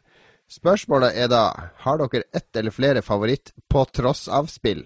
Og han skyter inn at Nier og Deadly Premonition henger høyt hos han. Helt fantastiske spill, til tross for at de suger på en rekke områder. Eh, Hva sier du, Lars? Har du noen, noen drittspill du elsker? Jo, eh, ja Deadly Premonition har jeg veldig lyst til å spille, da, så det minte han meg Ja, den er jeg veldig glad i. Eh, den har jeg spilt mye, og den var vel Forkynner jeg ganske tidlig når jeg satt og spilte det, at det her det, det er en liten perle av et spill, altså. Ja. Uh, nei, jeg tror jeg må tenke litt på den der. Jeg må jo sikkert ha det. Spill er liker som alle andre mener er drit, liksom. Eller som flertallet mener er drit, eller solgte dårlig. Det er vel kanskje det som er kriteriet. Jeg vet ikke.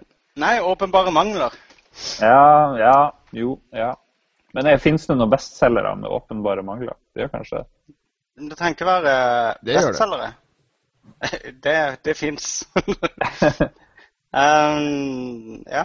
Ja, eksempel på det, da. Siden vi nå fastslo at det var Nei, det trenger ikke være en bestselger, gjør det det? Det må bare være et spill en har som Nei, men Jeg bare lurer på hvilket spill tenker dere på, hvis det er en bestselger som har solgt masse? Ja, ja, det er jo et definisjonsspørsmål, da, selvfølgelig. Det høres jo veldig ut som en et bestselger. sånn Altså, det, det må jo være et spill som kanskje fikk middelmådig kritikk, men som du mener er mye bedre enn den metacritic-scoren som ligger der. Altså, Det er jo guilty pleasures det er spørsmålet om her. ja, kanskje det. Ikke sant? Det spiller du kanskje ikke utbasunerer så veldig at du spiller. Av at eh, det har sine mangler, og det er kanskje ikke så bra. Men likevel så digger du det. Jeg spilte jo et uhørt antall timer med Uno online, f.eks. og det, det er så dårlig. Men eh, det er veldig behagelig å spille. Det er, det er meditasjon for meg. Hvem sier det er dårlig? Jeg sier det er dårlig. Det er, det, det er kjempemye de kunne gjort riktig med det spillet der. Men de har lagt opp et helt elendig sånn sosialt system, og det henger seg hele tida. Ja, det er masse ting de kunne jobba med der, men jeg, jeg elsker det spillet. Det er dødsgøy. Men jeg tenker jo at hvis jeg elsker et spill, så tenker jeg at det suger ikke, eller det Da Men er du det kan ha dårlig dårlig spill, liksom. stemmeskuespill, f.eks. Ja, ja. Kan de ikke det? Det spillet jeg har spilt mest som flest hater, det er sikkert Angry Birds Free, eh, gratisversjon. Hvor jeg plutselig var på eh, jeg, var, jeg var nummer én der i verden før eh, Cheaters begynte å ha sånn her 9 milliarder 9,99999. Det var like etter en patch kom, men før det så var jeg nummer fire, tror jeg. Det, jeg var litt stolt over det, men det er ingen som eh, kommer til å klappe meg på ryggen for det. Eh, Det skjedde etter et veddemål hvor det var en kompis som var dritgod i det spillet og sa han skulle gi meg 1000 kroner hvis jeg klarte å slå highscoren. Og da var han vel nummer syv i verden av en par millioner eller noe sånt. Og så bare heva meg i gang. Og syntes det var gøy. Jeg syns Angry Birds var morsomt. Nå spiller jeg det ikke i det hele tatt. Hmm. Nei, jeg kommer eh, altså Deadly Premonition er vel det som henger høy Altså, det, det er det som Ja. åpenbart Eller for meg mest åpenbart eh, er, er ganske dårlig. Enkeltelementene er veldig dårlige. Altså kampsystemet og grafikk og alt sånn henger ikke på greip og er dårlig lagd. Men spilleopplevelsen overskygger enkeltelementene. Så jeg kommer liksom ikke på noen sterkere sånn spill som suger, men som jeg likevel er veldig glad i. Du har jo sånn som eh, Phoenix Wright, eksempel. Ja. Ja, det var jo ikke så dårlig. Nei, det er dødsbra spill. For det, du elsker det jo, men det er jo corny as fuck. Og det er jo ja, Dialogen er så som så. øh, Men det er, det er noe av det bedre som fins på markedet. Lost Odyssey på Xbox 360. Ja. Det var et sånt spill som jeg, jeg spilte i hjel. Jeg har over 100 timer i det. Glatt. Og øh, jeg likte egentlig ikke det så godt.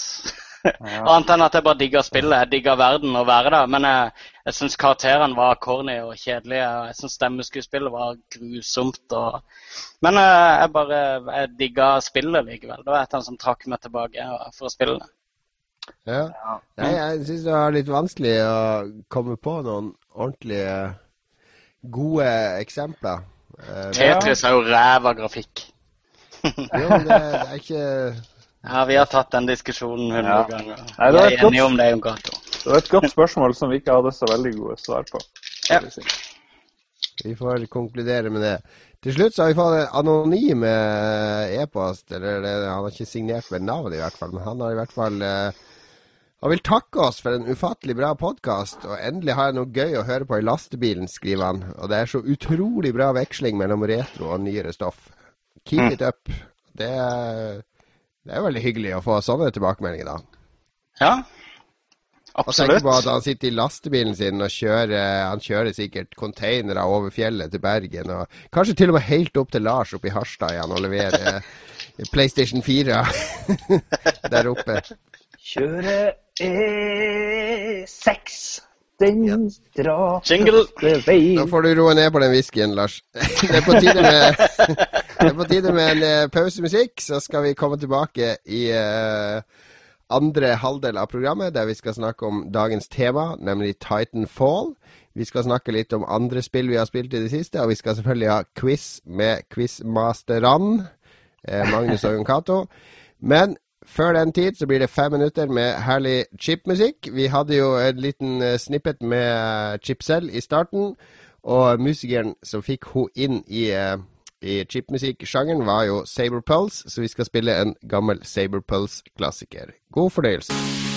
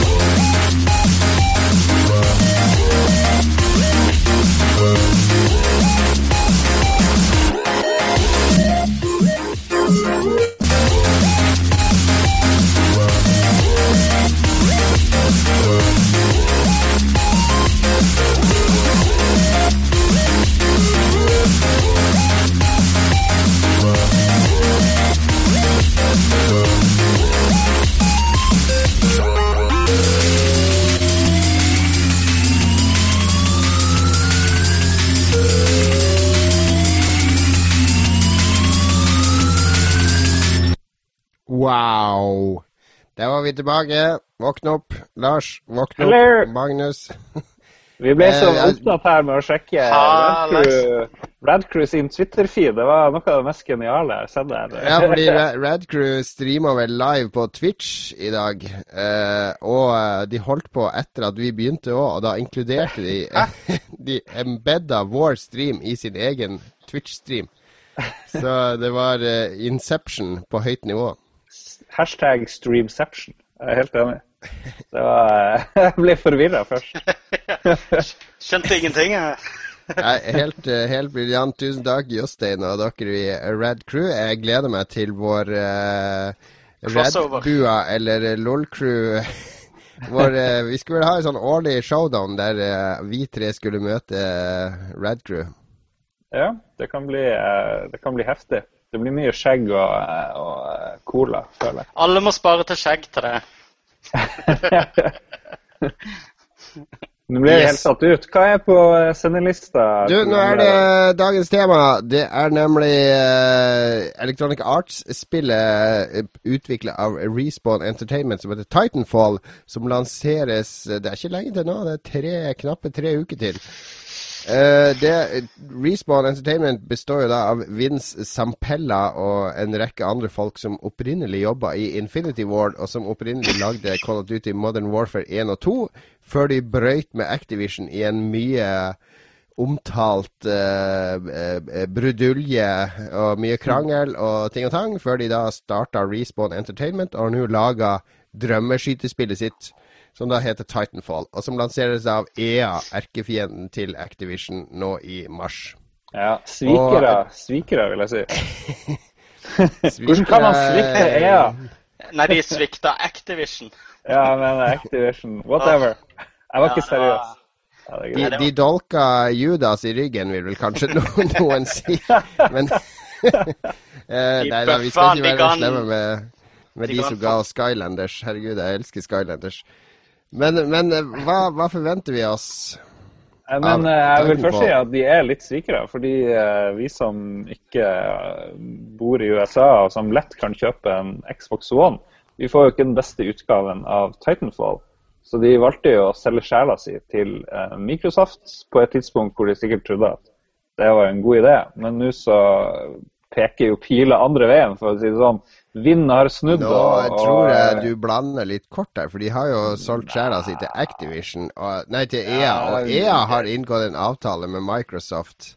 ja, men kunne ikke de ha nekta, da? Er, det, er de helt maktesløse der, da? De kunne sikkert ha nekta, men eh, her er det jo selvsagt penger som teller. Men det kommer jo på PC òg, i en versjon som er bedre enn Xbox One-versjonen, så jeg fatter jo ikke hva du klager på. Ja, men jeg har jo Kommer det til Mac, liksom, da? Jeg gidder ikke å spille FPS på min Mac Er du sur for det spillet ikke kommer på Mac? Nei, jeg er sur fordi det ikke kommer på PS4. Jeg gidder ikke å vet jo spille at uh, Xbox One selges jo på Elkjøp, så du bare kjøper en Xbox One der. Ja, det gjør det. Ah, Elkjøp online har på til 4790 online. Ja, ja, men det er jo Ja, Men la oss nå gå forbi det punktet der, da, i hvert fall. Nei, Fordi nei, nei. det Det er jo det handler om mange altså, som er sur format, på det. format Lolbua hever seg over formatkriger, Lars. Det, det tilhører eh, eh, sandkassen på Neogaf. Men jeg kan si at eh, eh, det er et godt argument for å kjøpe Eller for min del så har det vært det eneste argumentet nå i år Ja, samme her, da. foreløpig til å kjøpe en Xbox One. Ja, helt Så sånn sett så er det jo plattformrelevant, da. For det, at, eh, det, er, et- det, er, det er et ordentlig sterkt kort hos uh, Microsoft. Det er en De Ja, men det, det er jo ingenting nytt. Sånn har det jo vært i 20 år med, Ja, med det. konsolleksklusive spill. Jeg, Så, jeg er ikke så, kritisk sånn til er jo det. med. Jeg bare erkjenner det. Jeg erkjenner at det er et sterkt kort hos Microsoft. Jo, men man kan jo ikke begynne å disse spill Jo, eh, fordi at de ikke er på plattformen som du eier. Det er jo Jo. Nei, det er jeg helt enig i. Ja, men når de, først, når de er et multiplattformselskap som tradisjonelt gir ut spill til alle plattformer, og så plutselig skal EA bare lage til én plattform, det føles Ja. jo litt rart. Og jeg er jo ikke den Skal, eneste som mener det. da. Hvorfor er det rart, egentlig? Hvor lenge har det ikke vært plattformeksklusive titler? Og Ja, hvor lenge har har ikke bransjen Arts hatt gjort det? Har Electronic Arts gitt eh, plattformeksklusivitet? De lagde jo eh, I begynnelsen på Xbox så lagde de ingen eh, EA Sports-spill på Xbox 1. Den første, for eksempel. Ja, det er jo like teit. Ja, men det var fordi de hadde en beef med Microsoft. Det var ikke noe å gjøre med det. Ja, Men samme, du hadde jo eh, GTA hadde du jo eh, eksklusivt i de tilleggspakkene i jeg vet ikke, et år eller noe. Det er helt greit, syns jeg. Eh, Sony har òg eksklusiviteter som jeg gjerne skulle hatt på Xbox. Men det gjør jo at alle vi som har fått oss vært så heldige å få PS4, ikke kan, og som ikke gidder å kjøpe Ja, men det er jo bare det det handler om. Det handler jo bare om at du ikke har den maskinen. Det handler jo om at du Ja, det handler ikke om at det er teit. Det handler om at du ikke får spilt det. Derfor er de teite. Hva med alle de stakkarene som har fått seg Xbox One, som ikke får Ja. spilt Resogen? Ja, men det er noe helt annet. Både burde Sony ha publisert det på Microsoft sin plattform også? Nei, men det, de har ikke hatt det forholdet så lenge. Men når de plutselig gjør overgang, så kan jo jeg bli litt sur på Electronic Arts og kanskje ikke gidder å kjøpe så mye Electronic Arts-spill. Ja, men hvert. Electronic Arts lager jo ikke eksklusivt bare Xbox One-spill. Det er bare Nei, men- den tittelen de har inngått en avtale om at eh, ja, vi skal lage én tittel for dere. Ja, men det er jo det eneste kommer til- Ja, spillet det er fra flere de titler. Det er. Peggle, og det er Plants vs. Zombies, Garden Warfare. Det er flere andre EA-spill som faktisk Jo, jo. er Xbox One-eksklusive. Men sånn har det alltid vært. Altså, Konami har hatt. Jo, men du, du jo bitcher, bitcher jo ikke over at Metal Gear Solid 2 var eksklusivt på PlayStation 2. Jeg har Xbox, jeg vil spille Metal Gear Solid 2. Det var Altså, Nei, sånn PS2 er det var en bedre plattform. Det har jo med hva er den beste plattformen. Hvis spillet hadde vært bedre på Ja, men det her Da- er da et skal det ja. Da skal Microsoft la være med å inngå avtale, for vi er den nest beste plattformen. Så vi Nei, vi, vi ligger unna. Vi, vi er best. Ok, jeg mener det ikke helt seriøst å sette det litt på spissen, men eh, jeg vet jo at mange mener det, og jeg skjønner det jo veldig godt. Jo, selvfølgelig, men det er sånn der Det er jo sånn ilandssutring de luxe. Altså, Ok, Det greit. Stakkars deg at du, du får spille kills. Du har jo Killzone, da. Så du må da må du bare gjøre som en god PlayStation-fanboy. Gjøre Overbevise deg sjøl om at det er like bra. Det er jo bare rasjonalisering av at du er irritert over at du ikke får spilt det. Jeg skjønner at uh, Microsoft skapte Lolbua, men betaler bare to tredjedeler av redaksjonen. Vi har ikke fått ok. noe ting på det. Altså, Nei, jeg det var vel en deal på gullstikka der, var det Men, men skal vi for guds skyld gå over til å prate om selve spillet nå, og ikke forretningsavtalene rundt det? For jeg, det har vært ute i en beta. Jeg, har, jeg ba om å få det på Xbox One, men jeg fikk det på, på PC. Har dere spilt betaen? Eh, nei. Men er det ikke gratis eh, åpen beta for alle på Xbox One? Nei, det må inviteres, men det er Nei, sånn jeg tror det er åpent. 40-50 Nei, de har det er Ja, helt det er åpent. åpent nå. Ja. De har fjerna Keys for Du siden. Du kan bare sjekke butikken din, så tror jeg du finner det. Ja. Det er derfor den her lukka betaen din nå er borte. Det er fordi det er åpent. Ja, ok, ja. Nei, nei men jeg, jeg, fikk, jeg fikk ikke spilt det sånn voldsomt mye. Jeg spilte det på PC da, og det virker veldig optimalisert for PC sånn kontrollmessig. Utrolig smooth, uh, intuitiv kontroll. Det er ikke sånn som mange konsollskytespill som, som bare har en PC-port. Det virker å kjøre bra på PC. Det Og jeg syns det var uh, Altså, det er et spill som handler om du er en soldat i sånn fremtidskrig som dropper ned fra et dropship. eh, lander på en slagmark, skal du skyte og skyte og skyte fiender. Og så er det både botter og andre spillere med på laget ditt da, mot andre spillere og boter. Og så når du har spilt en liten stund, så får du en sånn diger mekk som du kan hoppe inn i og skyte videre med. Og jo bedre du gjør det som soldat, jo fortere får du den mekken din da. Men du får den etter hvert uansett, da. Og da blir spillet plutselig helt annerledes, fordi når du er soldat, så kan du hoppe, og du kan eh, til og med eh, dobbelthoppe, da. Eh, med en sånn jetpack, så du kan booste litt sånn opp på tak. Du kan løpe langs vegger, du kan hoppe fra vegg til vegg. Uh, inn vinduer osv. Helt uh, utrolig deilig sånn uh, kontroll. Um, du får sånn ny dimensjon som du ikke har i Call of Duty eller Battlefield, i, i bevegelsesfriheten. Som imponerte meg veldig. Men også når du kommer inn i den mekken, da kan du plutselig ikke hoppe lenger, eller, eller fly, eller gjøre sånne ting. Urealistisk. da kan du i stedet booste sånn i, i ulike retninger. Og du kan aktivere sånn magnetskjold, så hvis en, en, en annen skyter på deg med maskingevær, så bare stopper du alle kulene hans i lufta, og så skyter de tilbake på han. Eh, ganske lett å lære seg de små teknikkene, men utrolig sånn variasjon i de kampene jeg spilte, da, med hva slags taktikk jeg brukte, og hva jeg prøvde på, og hvordan jeg overlevde. Altså, så blir det sånne svære slagmarker med masse soldater på, fordi at det er så mange datastyrte soldater der. Så konklusjonen min var vel egentlig at det her ligner jo ikke på verken Call of Duty eller Battlefield i det hele tatt. Det er noe helt eh, nytt innen skytespillsjangeren, og det er dødskult. Det er det morsomste jeg hadde med et skytespill siden jeg spilte Quake for lenge siden. Så det, det føles I Halo, da. Ja, Halo Jo, for så vidt Halo. Halo hadde også veldig sånn friskt pust. da. Siden Halo 1, da når vi kobla opp fire TV-er og satt og spilte åtte stykk sammen i en kjeller på mitt uh, utdrikningslag en gang i tida. Mine kollegaer på podkasten passer på å nevne kun Microsoft eh, titler. Halo og Nei, men det er, var helt nei, fantastisk. Quake er ikke Xbox-tittel. det det Nei, men det var Det føltes helt fantastisk friskt. Og ikke minst eh, Det føles som det har en sånn ekstrem balanse. Noe av det morsomste var en av de første gangene jeg spilte, når vi tapte kampen. Så fikk vi beskjed om OK, det er evacuation, står det. Og så har du har sånn 40 sekunder på å komme deg til evacuation point. Og så bare, ja vel, ser du sånn pil på kartet, så bare løper stormer langs vegger, sånn, og det er kuler som kommer etter meg overalt, og opp på et tak. Jeg har sånn fem sekunder igjen, så ser jeg sånn dropship som henger ved sida, og så klarte jeg å hoppe inn i dropshipet når det var sånn ett sekund igjen.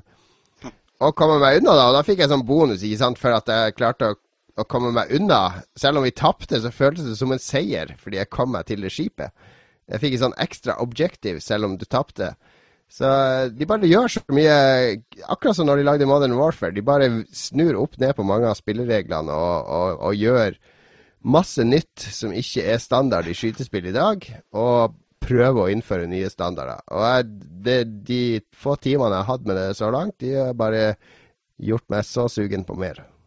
Jeg fikk en mail her fra Jay Allard, eller hvem det sa. Vi må eh, Det står Dere må si 'det beste spillet siden Perfect Dark Zero'. Hør bitter eh, Hva, hva syns du, Marius? Det er ditt første møte med en ordentlig bitter-Lars. Er det Ja, ja, jeg merker dette. Eller fa- fanboy-Lars, vil, vil jeg nesten si. Jeg var litt imponert over den delen. av... Jeg har ikke møtt på den før. Jeg har alltid møtt på balanserte, rolige og, og rasjonelle Lars. Skjønner ikke Hva, dere hvor mange knirk har vi hørt, i? Er Tre? Tre knirk? Det er det som skal til for at Lars begynner å vise sine virkelige verdier her. OK, da. Greit nok. Jeg er kanskje litt bitter, da. Men uh, jeg har veldig lyst til å spille Titanfall, som dere sikkert skjønner. Og Men det har jeg er jo. Ja, og det ser jo jævlig bra ut. Og folk driver og kritiserer en del journalister fordi de skriver at det her er det beste spillet ever, og revolusjonerer ditt og datt og sånt. Men eh, jeg ser jo når folk spiller, fordi jeg har ikke fått eh, Jeg har ikke en Xbox One og kan ikke teste med beta eller noe. Så, eh, men folk springer langs vegger, og dobbelthoppe virker jo som en fantastisk eh, Det er helt simpel ting. briljant. Det er Det helt, er den bare en tingen. frihetsfølelse oppi det hele. Ja, det, er jo så, det er jo så åpenbart. Hvorfor har man ikke gjort det i et førsteperson skytespill før? Så det tenker jeg er en liten sånn genistrek. De har ikke gjort det før fordi at eh, de der produsentene har sagt nei, lag det akkurat sånn som Call of Duty. Det er jo det som er problemet. Ikke gjør det som de andre ikke gjør. Men så lurer jeg på, går det an, Hæ? Ja, si det. nei, eh, går det an å spille uten de her mekkene? Fordi jeg har egentlig ikke lyst til å sette meg i en sånn treg eh, mekk, liksom. De Mac er briljante, da. Det De er følelsen når din mekk din Mac kommer ned. Det er din egen som er summona til deg, som du går inn i, og som du har konfigurert. Du vil ikke, du vil ikke være ute med fantastisk deilig følelse å også være fotsoldat og ta fienden sin mekk og, og bruke Du har sånn sånn antimekk-våpen, da. Mm, ok. Ja, nei, men det jeg skal selvfølgelig prøve det. Jeg blir jo skaffe meg en PlayStation 1, men spørsmålet er jo blir det PlayStation 1? Jeg mener, Det er jo helt vilt, dette. Det, nå har du tatt igjen Jon Cato med det der Lars. Jeg har et par, eh, har, har et par PlayStation 1 der du kan få kjøpe for, for 3000. Jeg har en PS1, den der lille babyversjonen, hvis du er hypp på det. Jeg har en PS1-kontroller der borte òg, faktisk.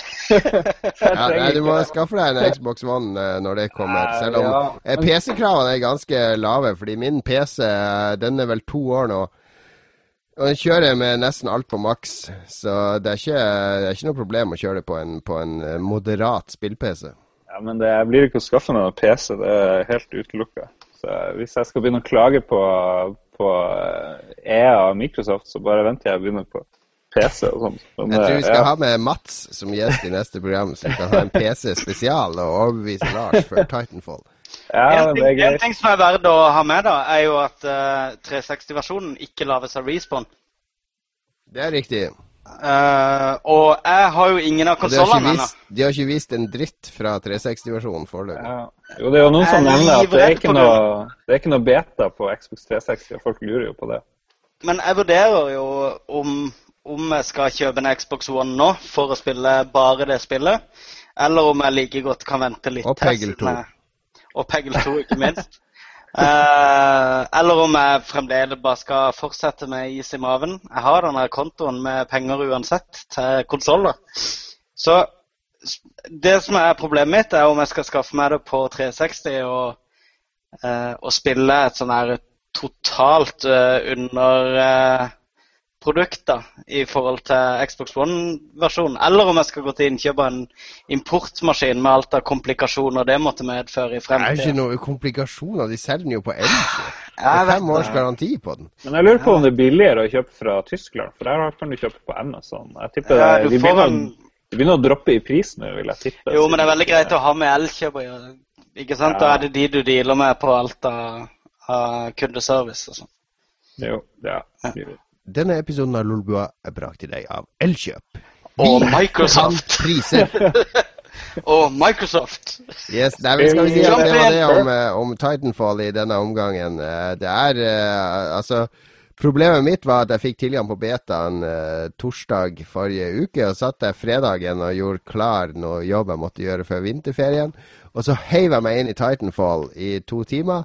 Og så skulle jeg dra på hyttetur uten internett, og alt jeg tenkte på på den bilturen opp, var hva jeg hadde lyst til å gjøre i Titanfall den helga. Så nå har jeg Den betaen går vel ned i natt, tror jeg, klokka fire. Så jeg har noen timer nå etter Lolbua er ferdig, så jeg skal prøve å få spilt litt til før den er borte. Du får sjekke familien din, du, Jon Cato. Nå har jeg vært med de i fem dager. Det er kvota, kvota er brukt opp for denne uka. Så. Ja, men Du sitter hele sjekke turen. Jeg ser for meg du sitter forrest der og skriking i baksetet. Så sitter du i din egen sånn Titanfall-fantasi. Du, altså, familieliv Vi, skal ha, vi, skal, skal vi kan godt ha en familieliv spesialepisode. Den, Ah. Uh, han sier uh, Seinfeld og CK Lewis har en sånn her uh, skitt om uh, CK. Lewis. Hva han heter Louis CK heter han. Louis. CK. Ja.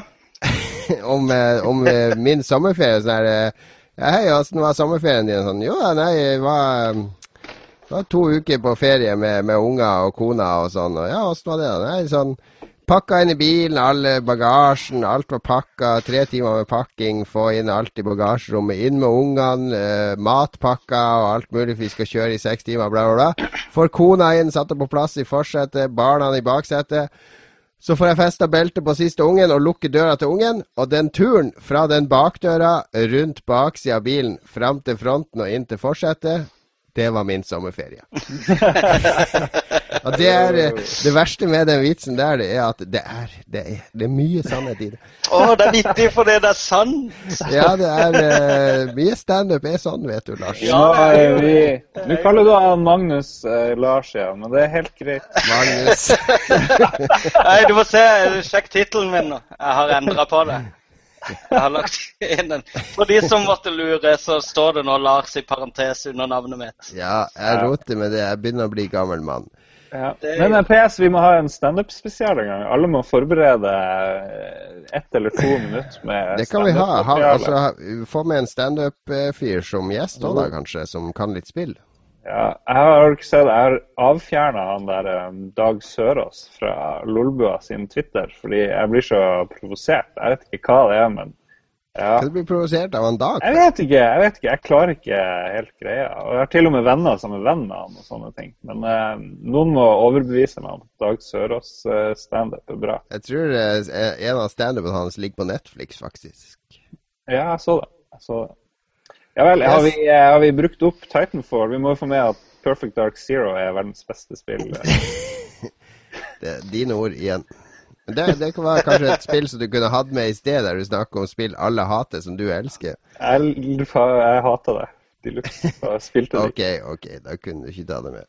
Hva har vi spilt i det siste da, Lars? Du har allerede snakka om en Strider HD-konkurranse. Jeg skjønner det sånn at du har spilt Ja. det òg? Jeg har spilt det òg, men uh, altfor lite. Det står på i bakgrunnen. Jeg vet ikke om noen Ja, okay, okay. å se det er der bak. Jeg drev og venta på en sånn cutscene uh, attract-skjerm, men det kom ikke. Så nå har jeg sikkert ødelagt plasmaen min med at det står på samme. Antagelig, men hvis du ikke kan si noe om det, er det noe annet du har spilt da? Eh, men jeg har spilt det litt, da, og det virker greit. Eh, Det Hva er det for noe? For det er en remake av et gammelt Arkadespill som heter Strider, og hva var det for noe? Det var et eh, slags ninjaspill hvor du drar med sverdet ditt og skyter eh, eller jeg mener å kutte opp folk i små biter. Og denne remaken eh, har to av de som var med og lagde originale Strider med, en designer og et eller annet annet. Og eh, jeg spilte ikke original nok til å kunne vite om det har hatt noe effekt, men Men ser hva, hva original var det det spillet der du hadde sånn svær jojo som du sendte ut? Eller var det blanda med et annet nå? Jeg vet ikke. Jeg, som sagt, jeg har ikke spilt det, det gamle så veldig mye at jeg klarer å huske noe jojo. Men eh, det spillet her da, er jo veldig sånn Metroidvania-aktig, så eh, det ligner For meg så minner det mer meg om, eh, om eh, Super Metroid, egentlig. Bare litt enklere og ikke så spennende. Eh, fiendene respawner hele tida, selv om du er i Eh, I Metroid så respawner fiender hvis du går ut av skjermen, og så går du tilbake igjen. på et vis. Her kommer de uansett. Du bare går litt bort, og så kommer de tilbake. Så det å explore blir litt sånn eh, kjipt, syns jeg. Jeg skulle gjerne ønske at fiendene ikke kom så jækla fort, sånn at jeg kan dra og lete etter hemmeligheter. Men det virker som om det ikke er så veldig mye å finne da. Det er litt sånn, du finner sånn Er det her- kul slåssing? Altså, jeg syns respawning er helt kult hvis det er dødskult å slåss. Altså hvis du har masse spektakulære kamper. Jeg har ikke fått så mange power-ups enda. Det jeg har fått, eh, eller du har i hvert fall I utgangspunktet så har du to angrepsknapper. Du har ett heavy attack, og så har du en snack hvor du kan stå eh, fekte på eh, hele tida. Men det som er greia, det er vel at du skal springe bortover og fekte. For de fleste fiender de bare detter ned med en gang, og du kan bare springe gjennom dem, egentlig. Så det er ikke så veldig vanskelig. Men det minner meg litt om Shadow Complex, som jo er en kopi av eh, Metroid, egentlig. Og eh, jeg liker det lille jeg har spilt så langt. da. Eh, Grafikken er visstnok hakket bedre på PS4, som jeg spiller på. Men uh, jeg tror ikke det har noe å si. Men det, vi skulle ikke si noe sånt, fikk vi beskjed om. Ja, men uh, jeg er sikker på at Xbox 360 og Xbox One-versjonen er genial. Uh, PS3-versjonen er veldig dårlig, har jeg hørt. Ok, okay. Ja. Men, det er, men, eh, men er, eh, er det bare lovende. Det er bare lovende. Men er det noe mer enn Altså, hvis du ikke har noe Det er jo åpenbart en, en eller annen slags retro-connection her til originalen. Hvis du ikke har noe som helst forhold til det, er det her noe som kommer til å fenge Eh, framfor har jo- moderne Castlevania, Metroidvania-spill? Nei, jeg vil Jeg har ikke noe stort forhold til originalen, så for meg er det litt sånn likegyldig. Men eh, hvis du vil ha et hack and slash hvor du kan springe og hoppe Når du hopper så mot vegger, så kan du klatre oppover, ikke sant? Det er ikke sånn at du må ha dobbelthopp, du bare klatrer oppover og sånn. Så, Eh, Nei, det virker helt OK. Jeg, jeg tror jeg blir å like det veldig godt, men jeg må komme litt lenger før jeg liksom tør å si så okay, veldig mye mer. Det jeg har spilt eh, mye av, det er det her Danganronpa. Jeg vet ikke hva det betyr. Eh, Trigger Happy Havoc. Som er et eh, slags eh, personaaktig eventyr. Litt Phoenix Wright, Ace Attorney-elementer japansk spill hvor du er en student. Du er liksom du er en helt mediocre middels student, men du er blitt pekt ut som den mest heldige, for det var du som ble trukket ut tilfeldig til å bli med i en ny high school eh, i en eller annen plass i Japan. Mens all, absolutt alle de andre studentene er verdens beste på sitt område. En er verdens beste til å lage fanfiction, en er verdens beste baseballspiller, en er verdens beste psychic, og osv. osv. En er den kuleste Hva er det slags format du snakker om her? eh, Det her er Vita. Har du ikke hørt om spillet? Jon? Det, jeg vil Jeg spiller anbefale bare TXK på hvite, vet du. Ja, nei, men jeg vil anbefale å spille det, for det er ufattelig morsomt.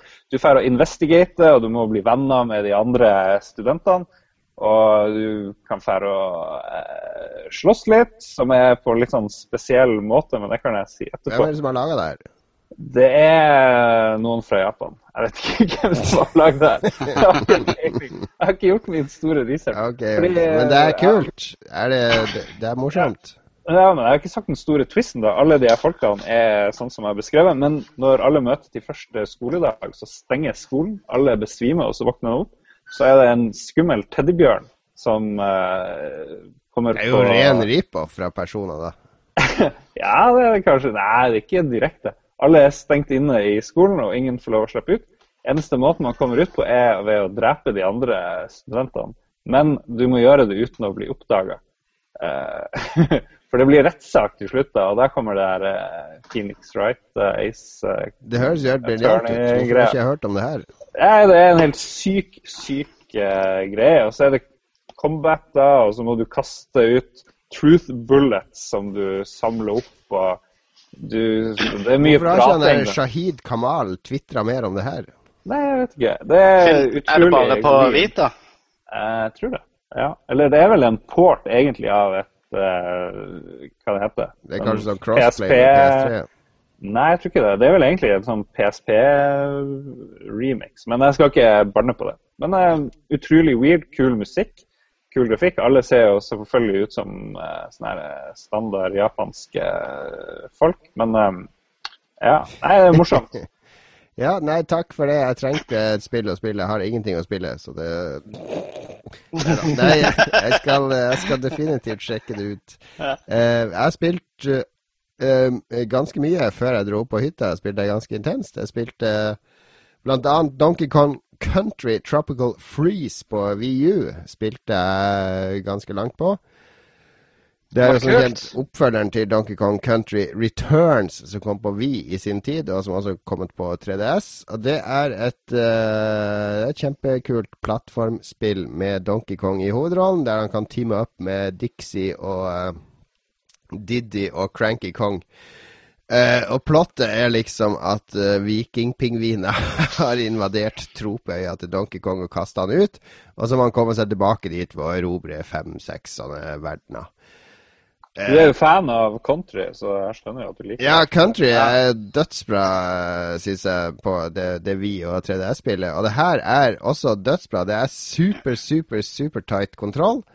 Eh, eh, de figurene du styrer, er svære. Alt på skjermen er svært, og alt er animert. Alt beveger seg og sveier. Og grafikken syns jeg er kjempelekker. Altså, det er sånn som Det er sånn som vi så for oss at de todimensjonale plattformspillene så, så ut for 20 år siden, når vi putta fantasien vår på de, de enkle spritene. Så det er eh, Jeg liker det veldig, veldig godt. Det er også fordi at det er masse hemmeligheter på alle nivåene. Det er tusen sånne ting å finne som ligger skjult her og der.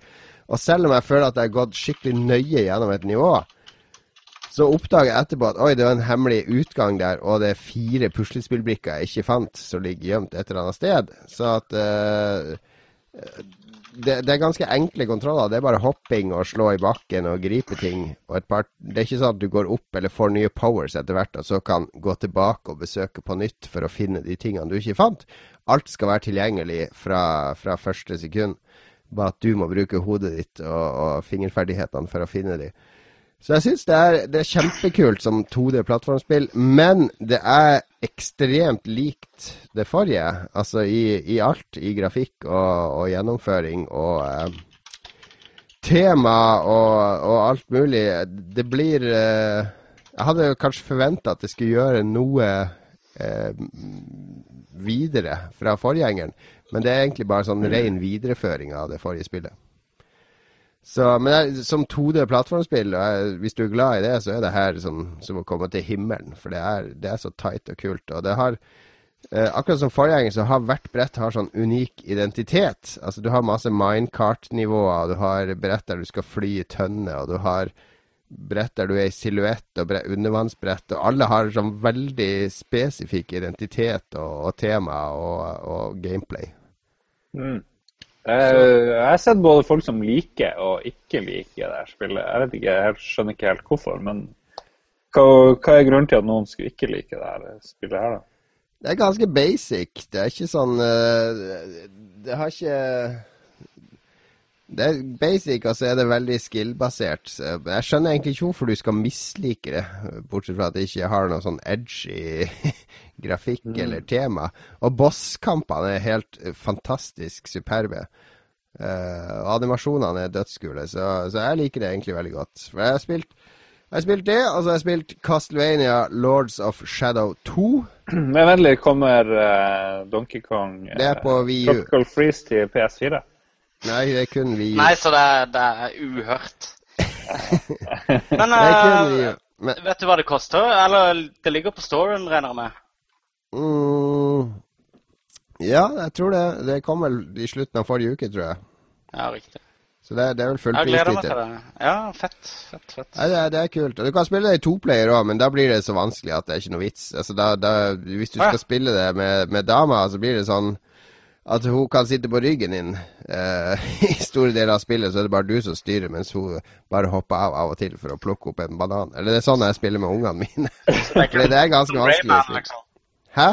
Det er ikke som med Rayman at, eh, at Nei, det er ikke, den, det, er ikke den, det glade kaoset som i Rayman. Her er det presisjonsøvelser og, og dø, dø, dø, dø. Jeg har veldig lyst til å spille. Dessverre så eh, Jeg vet ikke hvor min Wii er, Wii U men jeg er i flyttelasset mitt, så jeg har liksom ikke Å nei, det er jo Wii U-bestanden i Norge gått ned med 10 hvis igjen er borte. Nei, men Det andre jeg har spilt, er Castlevania Lords of Shadow 2, som kommer nå til uka, tror jeg. Og det er oppfølgeren til Castlevania Lords of Shadow. Spilte dere det, noen av dere? Eh, Er det 3D Ja, men det var, Lords of Shadow var eh, veldig kult. Fordi det var litt sånn Metroid-Vania-aktig. Og så hadde det tighte kamper, og så hadde det Bra. 3D-greier, altså. Og så hadde det litt sånn Shadow of the Colossus-inspirasjon. Og så Nei, det for, Forgjengeren syns jeg var veldig kul, men oppfølgeren er ganske middelmådig. Det er utrolig mye cutscenes med sånne gothere som står med håret ned i fjeset og snakker i eviglange, dramatiske Ja, det er dialoger om døden. Det er et japansk Det spill. fins ikke noe mer Nei, det er laga av Mercury Steam, og de er vel spanske, så det, det, det, er, eh, det er vel japansk opprinnelse. Eh, Det er mulig jeg tar feil, men jeg tror de er spanske. Men det er eh, så utrolig eh, langdryg, og så er det litt sånn der oppkonstruerte måter du skal løse gåter på, ved at du kan gå inn i en sånn spesiell skygge, som er sånn skygge som er animert. Og da kan du gjøre deg om til en rotte. Og- What? Ja, det er helt sånn der eh, Ja, Som alle vampyrer kan. ja, sånn Nei, puslespill, puslespill-puzzles der hvis det og det er til stede på brettet, så kan du gjøre det og det. Så det, det er ganske sånn absurd eh, hvordan du skal løse et par av de tingene, i hvert fall i starten. Men sånn etter hvert så blir det litt bedre flyt i det spillet. Så er det noe kule En annen puzzle er jo hvilken bok eh, Magnus driver og skriver på mens vi prater. Det lurer jeg veldig på. Det må være en roman. spillet. Jeg sjekka opp spillet mens vi snakker om det. Jeg er interessert, skjønner du. ja, nei, men det er, eh, det er et det er, det er sånn God of War-type spill med litt mer puzzles i. og det mangler vel litt av den piffen. Forgjengeren syns jeg var utrolig kul, fordi det føltes så originalt og friskt og, og fett. Mens det her det føles bare som at nå skal vi tilfredsstille alle sånne blodtørstige tenårings-outsider-fantasier med, med den der ensomme vampyren som skal rundt og drepe alt og alle. Er det Twilight? Har de gått Twilight? Uh... Ja, det er Twilight laga av uh, med Sam Raimi-blodeffekter. Det er ganske blodig. Men uh, ja, det er litt, litt skuffende, så det blir nok en tittel som Blood, eh, kommer til å underprestere salgsmessig. Er det noen, forresten, Apropos blod, er det noen som har sett eh, Dødsnø 2? Jeg skal se den i morgen på torsdag. Ikke sett den. Ikke sett den. Du Sikkert Nei. ikke du heller, Jon. Nei, jeg har ikke det. Ja, okay. Hile Five, som er sloganen for filmen. Da kan vi snakke om den i neste uke. Vi kan det. Hva er det du har spilt for noe, Magnus? Jeg har vært helt grusomt forutsigbar. Jeg, har, jo- jeg jobber jo med bucketlist på, på Xbox 360, så jeg spiller jo egentlig alt jeg kommer over nå av, av eh, titler som har bare ligget i bunka mi, egentlig. Så Mm. jeg har spilt uh, Magic the Gathering i, i helga. På hvilken uh, plattform? Uh, på Xbox 360. Det er der jeg jobber meg gjennom nå. Eh, har, dere, har dere spilt Magic the Gathering uh, før? Uh, jeg, jeg spilte jo, og jeg tror Jon også spilte det med kort på eh, 90-tallet. Jeg brukte ja. Jon bodde i Oslo da, og jeg bodde i Harstad fremdeles da Magic the Gathering ble stort. Men jeg ikke, begynte ikke før Legends var ferdig, og det var vel Er det second edition, kanskje det het? Eh, da vi kjørte på med Shivan Dragon og Multiland og sånne ting. Så de er eh, eh, hva det heter det? Black Lotus og de her mest syke kartene som er verdt Ja. sinnssykt mye i dag, de var jeg ikke borti da. Men eh, vi spilte det vanvittig mye. Vi satt og hørte på Type Typo Negative, husker jeg, og eh, spilte, spilte Magic the Gathering. Men Ja, spilte du det- òg kortspillet? Det var det som var greia. Jeg hadde en liten sånn sommerromanse med spillet da jeg var på Arkon 10. eh, en eller annen gang tidlig på 90-tallet. Og da hadde Magic ikke blitt lansert i Norge ennå, men det var lansert i, i eh, andre land. Så de, hadde, de solgte det på den der rollespillfestivalen på Blindern. Oh. Eh, så meg og en kompis vi kjøpte en del decks der, og så spilte vi, og så ble vi lei. og så, så gikk det kanskje et halvt år, og så begynte det å dukke opp i butikkene. Og da var vi på en måte litt lei igjen. da. Ja, men hvor lenge spilte du? Var det bare en sommer du spilte Ja, det var bare en sommer. Ja. eh, så, så liksom, jeg har bare liksom brusha innom det, men jeg visste sånn halvveis hva det gikk i. Ja. Så, eh, men så har jeg også spilt litt på dette eh, Blizzard-spillet, som alle alle spiller for tida. Er det det det heter? Hearth, eller Hearth, eller jeg vet, Hvordan uttaler du H-E-A-R-T-H? Jeg tror det er Hair. Hair Nei, det er hurt. Hurt. Det er det. Men Jon, vi hadde jo en kompis, eh, i hvert fall én, kan jo sikkert flere. Han uh, Jabba, han hadde, var jo samler. Han hadde Black eh, Mox og uh, alle de Ja. godkortene til 1000 pluss spenn. Han solgte hele samlinga for 17 000 han en gang. Ja, er Black Lotus i sted. Ja, kanskje. Det var det du gjorde. eh, Black. Lotus, ja. ja.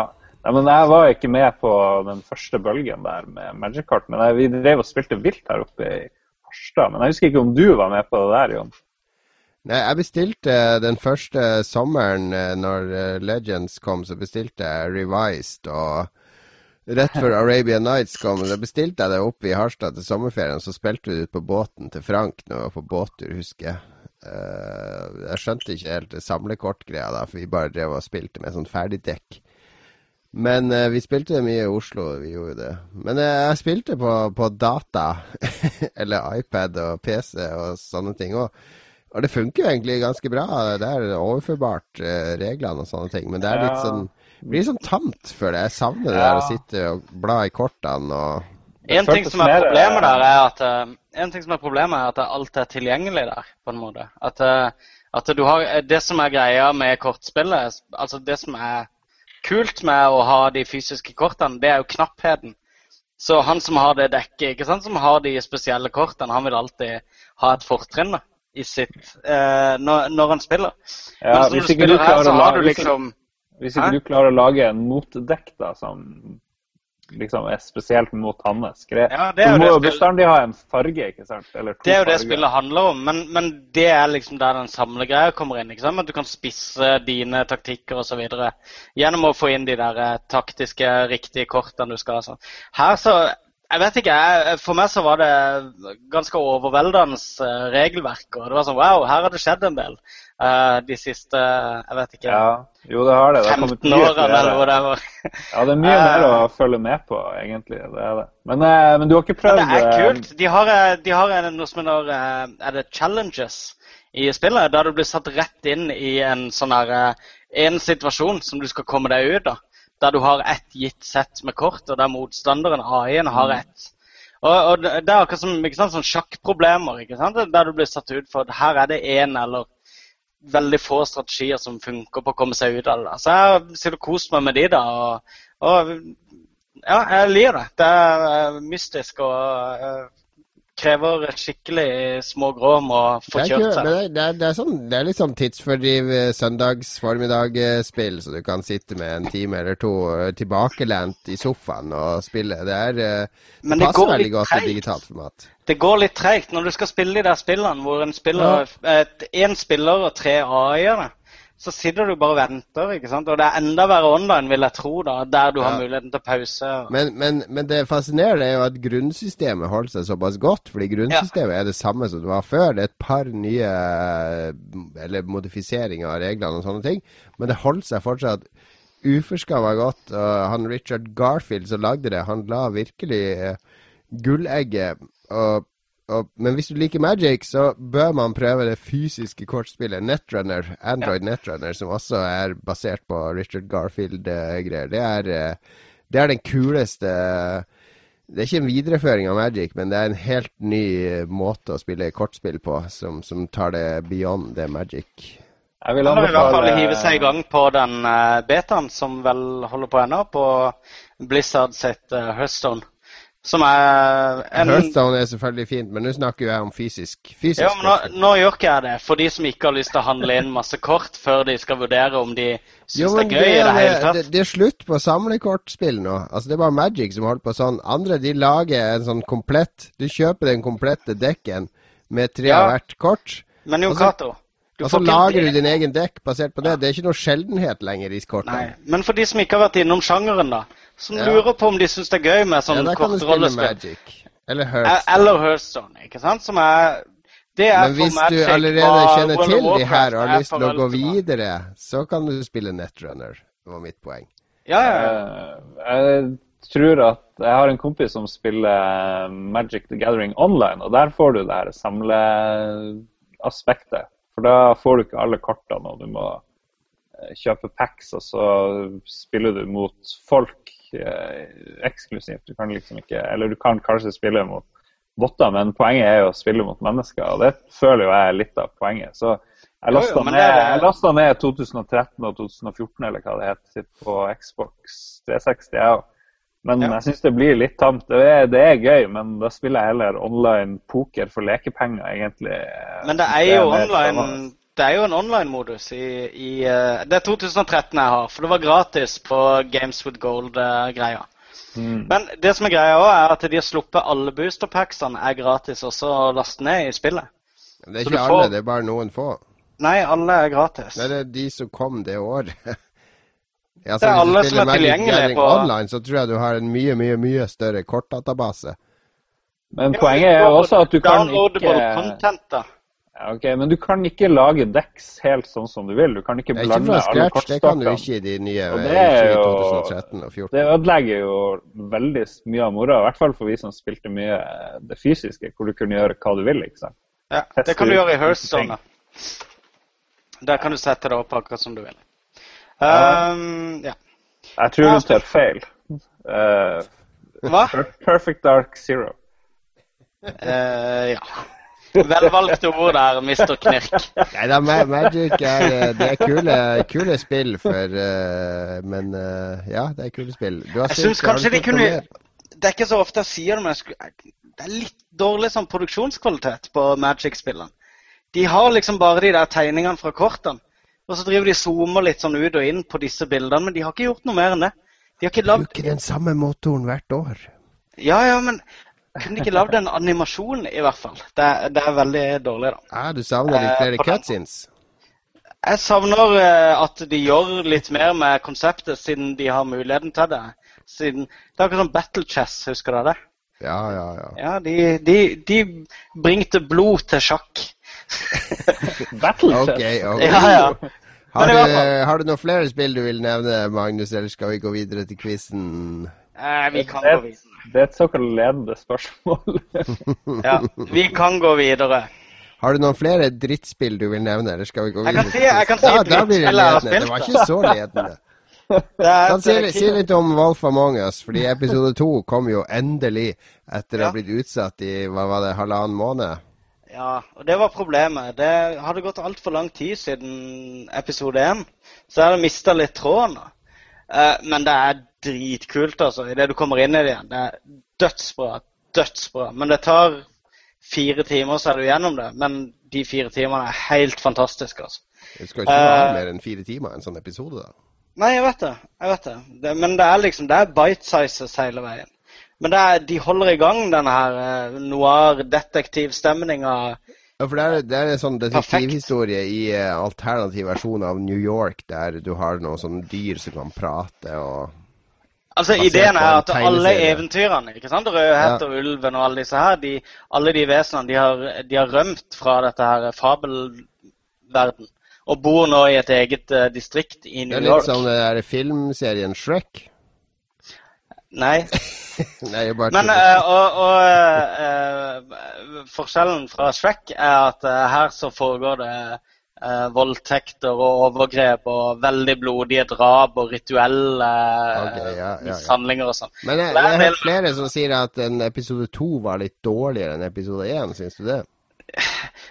Tinget var at uh, episode én var bra fordi du var helt ny til konseptet. Og så har du gått så lenge liksom og brygga på det at eh, episode to kunne ikke leve opp til de forventningene han hadde. Men Nei. jeg mener at det, de holder linja perfekt, syns jeg. Ja. Men jeg skal ikke si noe mer om det, for det at vi kan gå videre. Vi kan gjøre det. Vi skal til vår faste spalte, nemlig Quiz med Quizmasteren.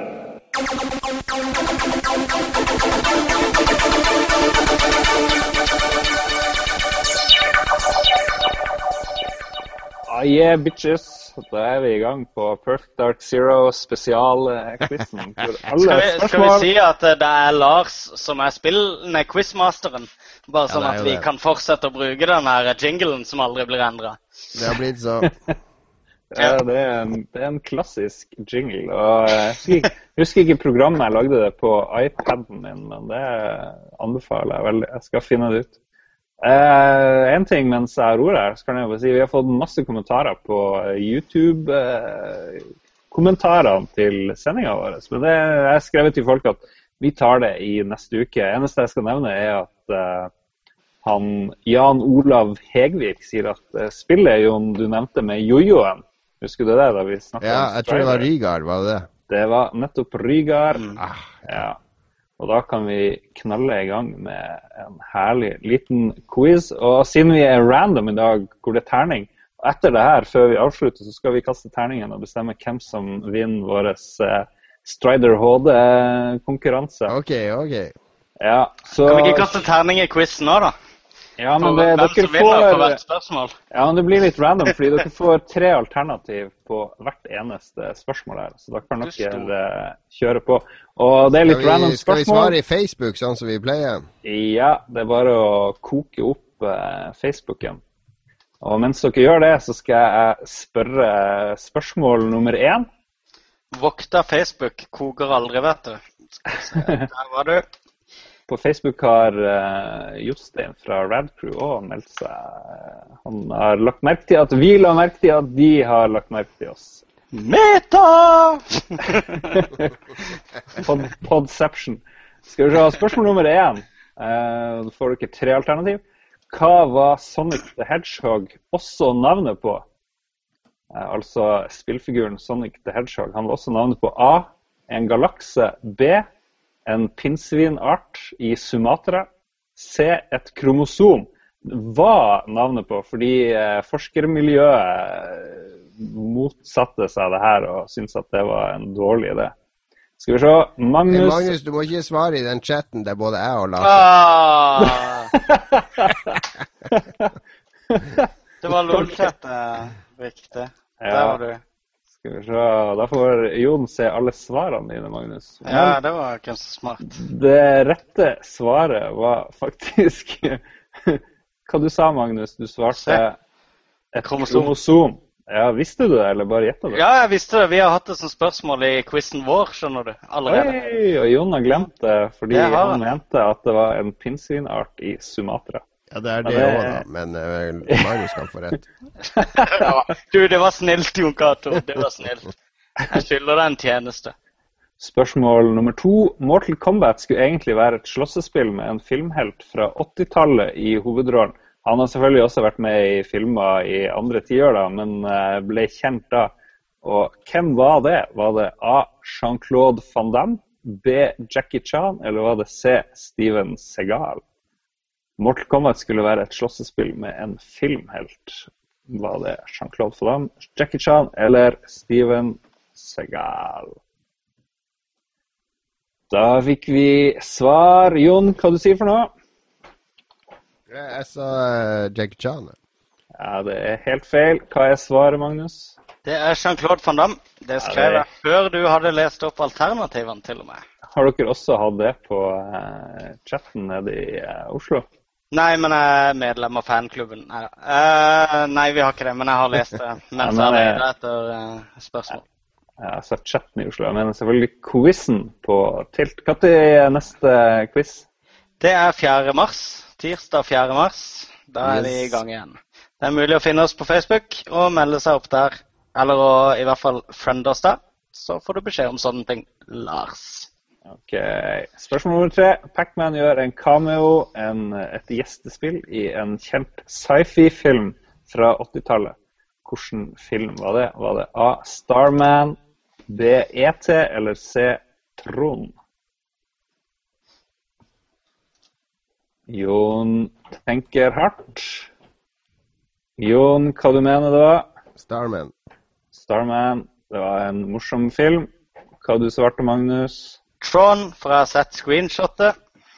Det er helt rett. 3-0 til Det er jo ikke Pacman som gjør en cameo, det er automaten. Nei, det er ikke automaten. Nei. Det er karakteren. Det er selve den gule rundingen med en Du ser det i, ba- i bakgrunnen. okay, så ser du det. Ja, han er med i Starman òg, da. Det ser dårlig ut for deg, Jon, men Det er bra, Jon Cato. Du er snill. kanskje du kan få noen flere poeng her etter hvert, Jon. Skal vi se Hvor mange spørsmål er det? Det er hemmelig. Skal vi se. Det nummer er Det bare sånn filmspørsmål. Nei, det er random. Det her er Det har vært film! Alt sammen har vært film. Det var ikke det. Hvilken film? Hvilken Spørsmål film? nummer en, film? Spørsmål nummer én om Sonic the Hedgehog. Ja, Og så var det eh, Mortal Kombat. Kromosom. Kromosom, film, film. Ok, jo, nå kan du briljere. Spørsmål nummer fire i random-quizen. Hvor fort kan en kenguru løpe? Er det A Er det A 68 km i timen, B 69 km i timen, eller er det C 70 km i timen? Det er litt lite slingringsmonn her, det skal jeg gå med på. Det var det. Hva er målekriteriene liksom, for det ja, der? jeg må resonnere meg frem til om det er 68 eller 69. Har de, har de VM i 100 meter sprint for, eh, for uh, kenguruer, der de måler topphastigheten? De setter fyr på, de setter fyr på et sted Er det det. gjennomsnittstoppastighet, eller er det reell topphastighet som er Det målt her er, det her er topphastighet. som Det er gjennomsnittshastighet. Hva er gjennomsnittshastigheten? Jo, men hvor, hvem skal si at hvis de påstår at det er 68 km i timen, at det ikke finnes en kenguru som har løpt 69 km i timen? Åh, du er så kverulerende. Må han løpe en hel time for at hastigheten skal registreres, eller holder det at han løper i ett minutt, at de ganger det opp? Hvis noen kjenner til Bitter-Lars tidligere i sendinga, så kjenner du Bitter-Jon. eh, Det de gjør, de sjekker hvor lang tid det tar å gå én centimeter, og så bare plusser de det opp. Nettopp, nettopp! Det Jeg må, jeg må vite er kriteriene for en hastighetsmål. Jeg har svart, ja, jeg for det svart. du står mellom 68 og 69. Jeg har svart, jeg har svart. Ok. OK, vil dere ha svar, eller skal vi Ja. fortsette? Eh, svaret er 70 km i timen, og begge Yes. har rett. Gratulerer. 70 km i timen. Det var bra gjetta, Jon. Skal vi se Hva her. er, hva er kilden for det her? eh, Jon resonnerte seg frem. Det var meg som gjetta. Det var, science med Jon. Stillinga er 4-1, men alt er fremdeles åpent her, for nå får vi et litt eh, spennende siste spørsmål hvor alt kanskje kan forandre seg. Hva er highscoren i Donkey Kong? De fleste som hører på denne podkasten, bør ha sett filmen The King of Kong, er det den heter? Ja. Ja, hvor, hvor A eh, fistful of quarters. Nei, The King of Kong, som er Ja, en genial film. A eh, fistful of quarters er undertittelen. Nei, jo, Jo. ok da. Hvor man ser folk som kjemper om å være mesteren i Donkey Kong på Ja. arkademaskiner. Så det spør du om hva rekorden er nå, eller hva rekorden er i filmen? Rekorden er nå. Det var eh, notert 26.1.2014. Og alternativ A i vår random quiz er 986 138 poeng. B 1 138 000 poeng, eller C 1 326 000 poeng. Jeg kan si at eh, han som har rekorden, heter Hank Chen. Og vi har fått svar fra begge to. Og vi har en eh, ganske spesiell situasjon her. Fordi første gang kanskje i uh, quizens historie så har én person alle spørsmål rett. Hvem kan det være, Magnus? Det må være Jon Cato. Og derfor ble det ingen. Gratulerer. Du klagde jo på at quizen var rigga forrige gang, men eh, det her bør jo uh, Det var Nå er den i hvert fall rigga. Ja, men vi, vi snakka litt når du var på do i stad, Jon Cato. Jeg ga deg alle spørsmålene, i, alle svarene i sted, Magnus, så det er greit. Men da ble det ett poeng på Jon Cato i uh, ukens quiz, og fem av fem mulige til Magnus. Gratulerer med seieren. Så jeg har vunnet to ting i dag. Du har vunnet mye i dag, du. Ja, han er på en streak. Nå skal jeg kaste terningen her og finne ut hvem som har vunnet vår uh, Strider HD-konkurranse.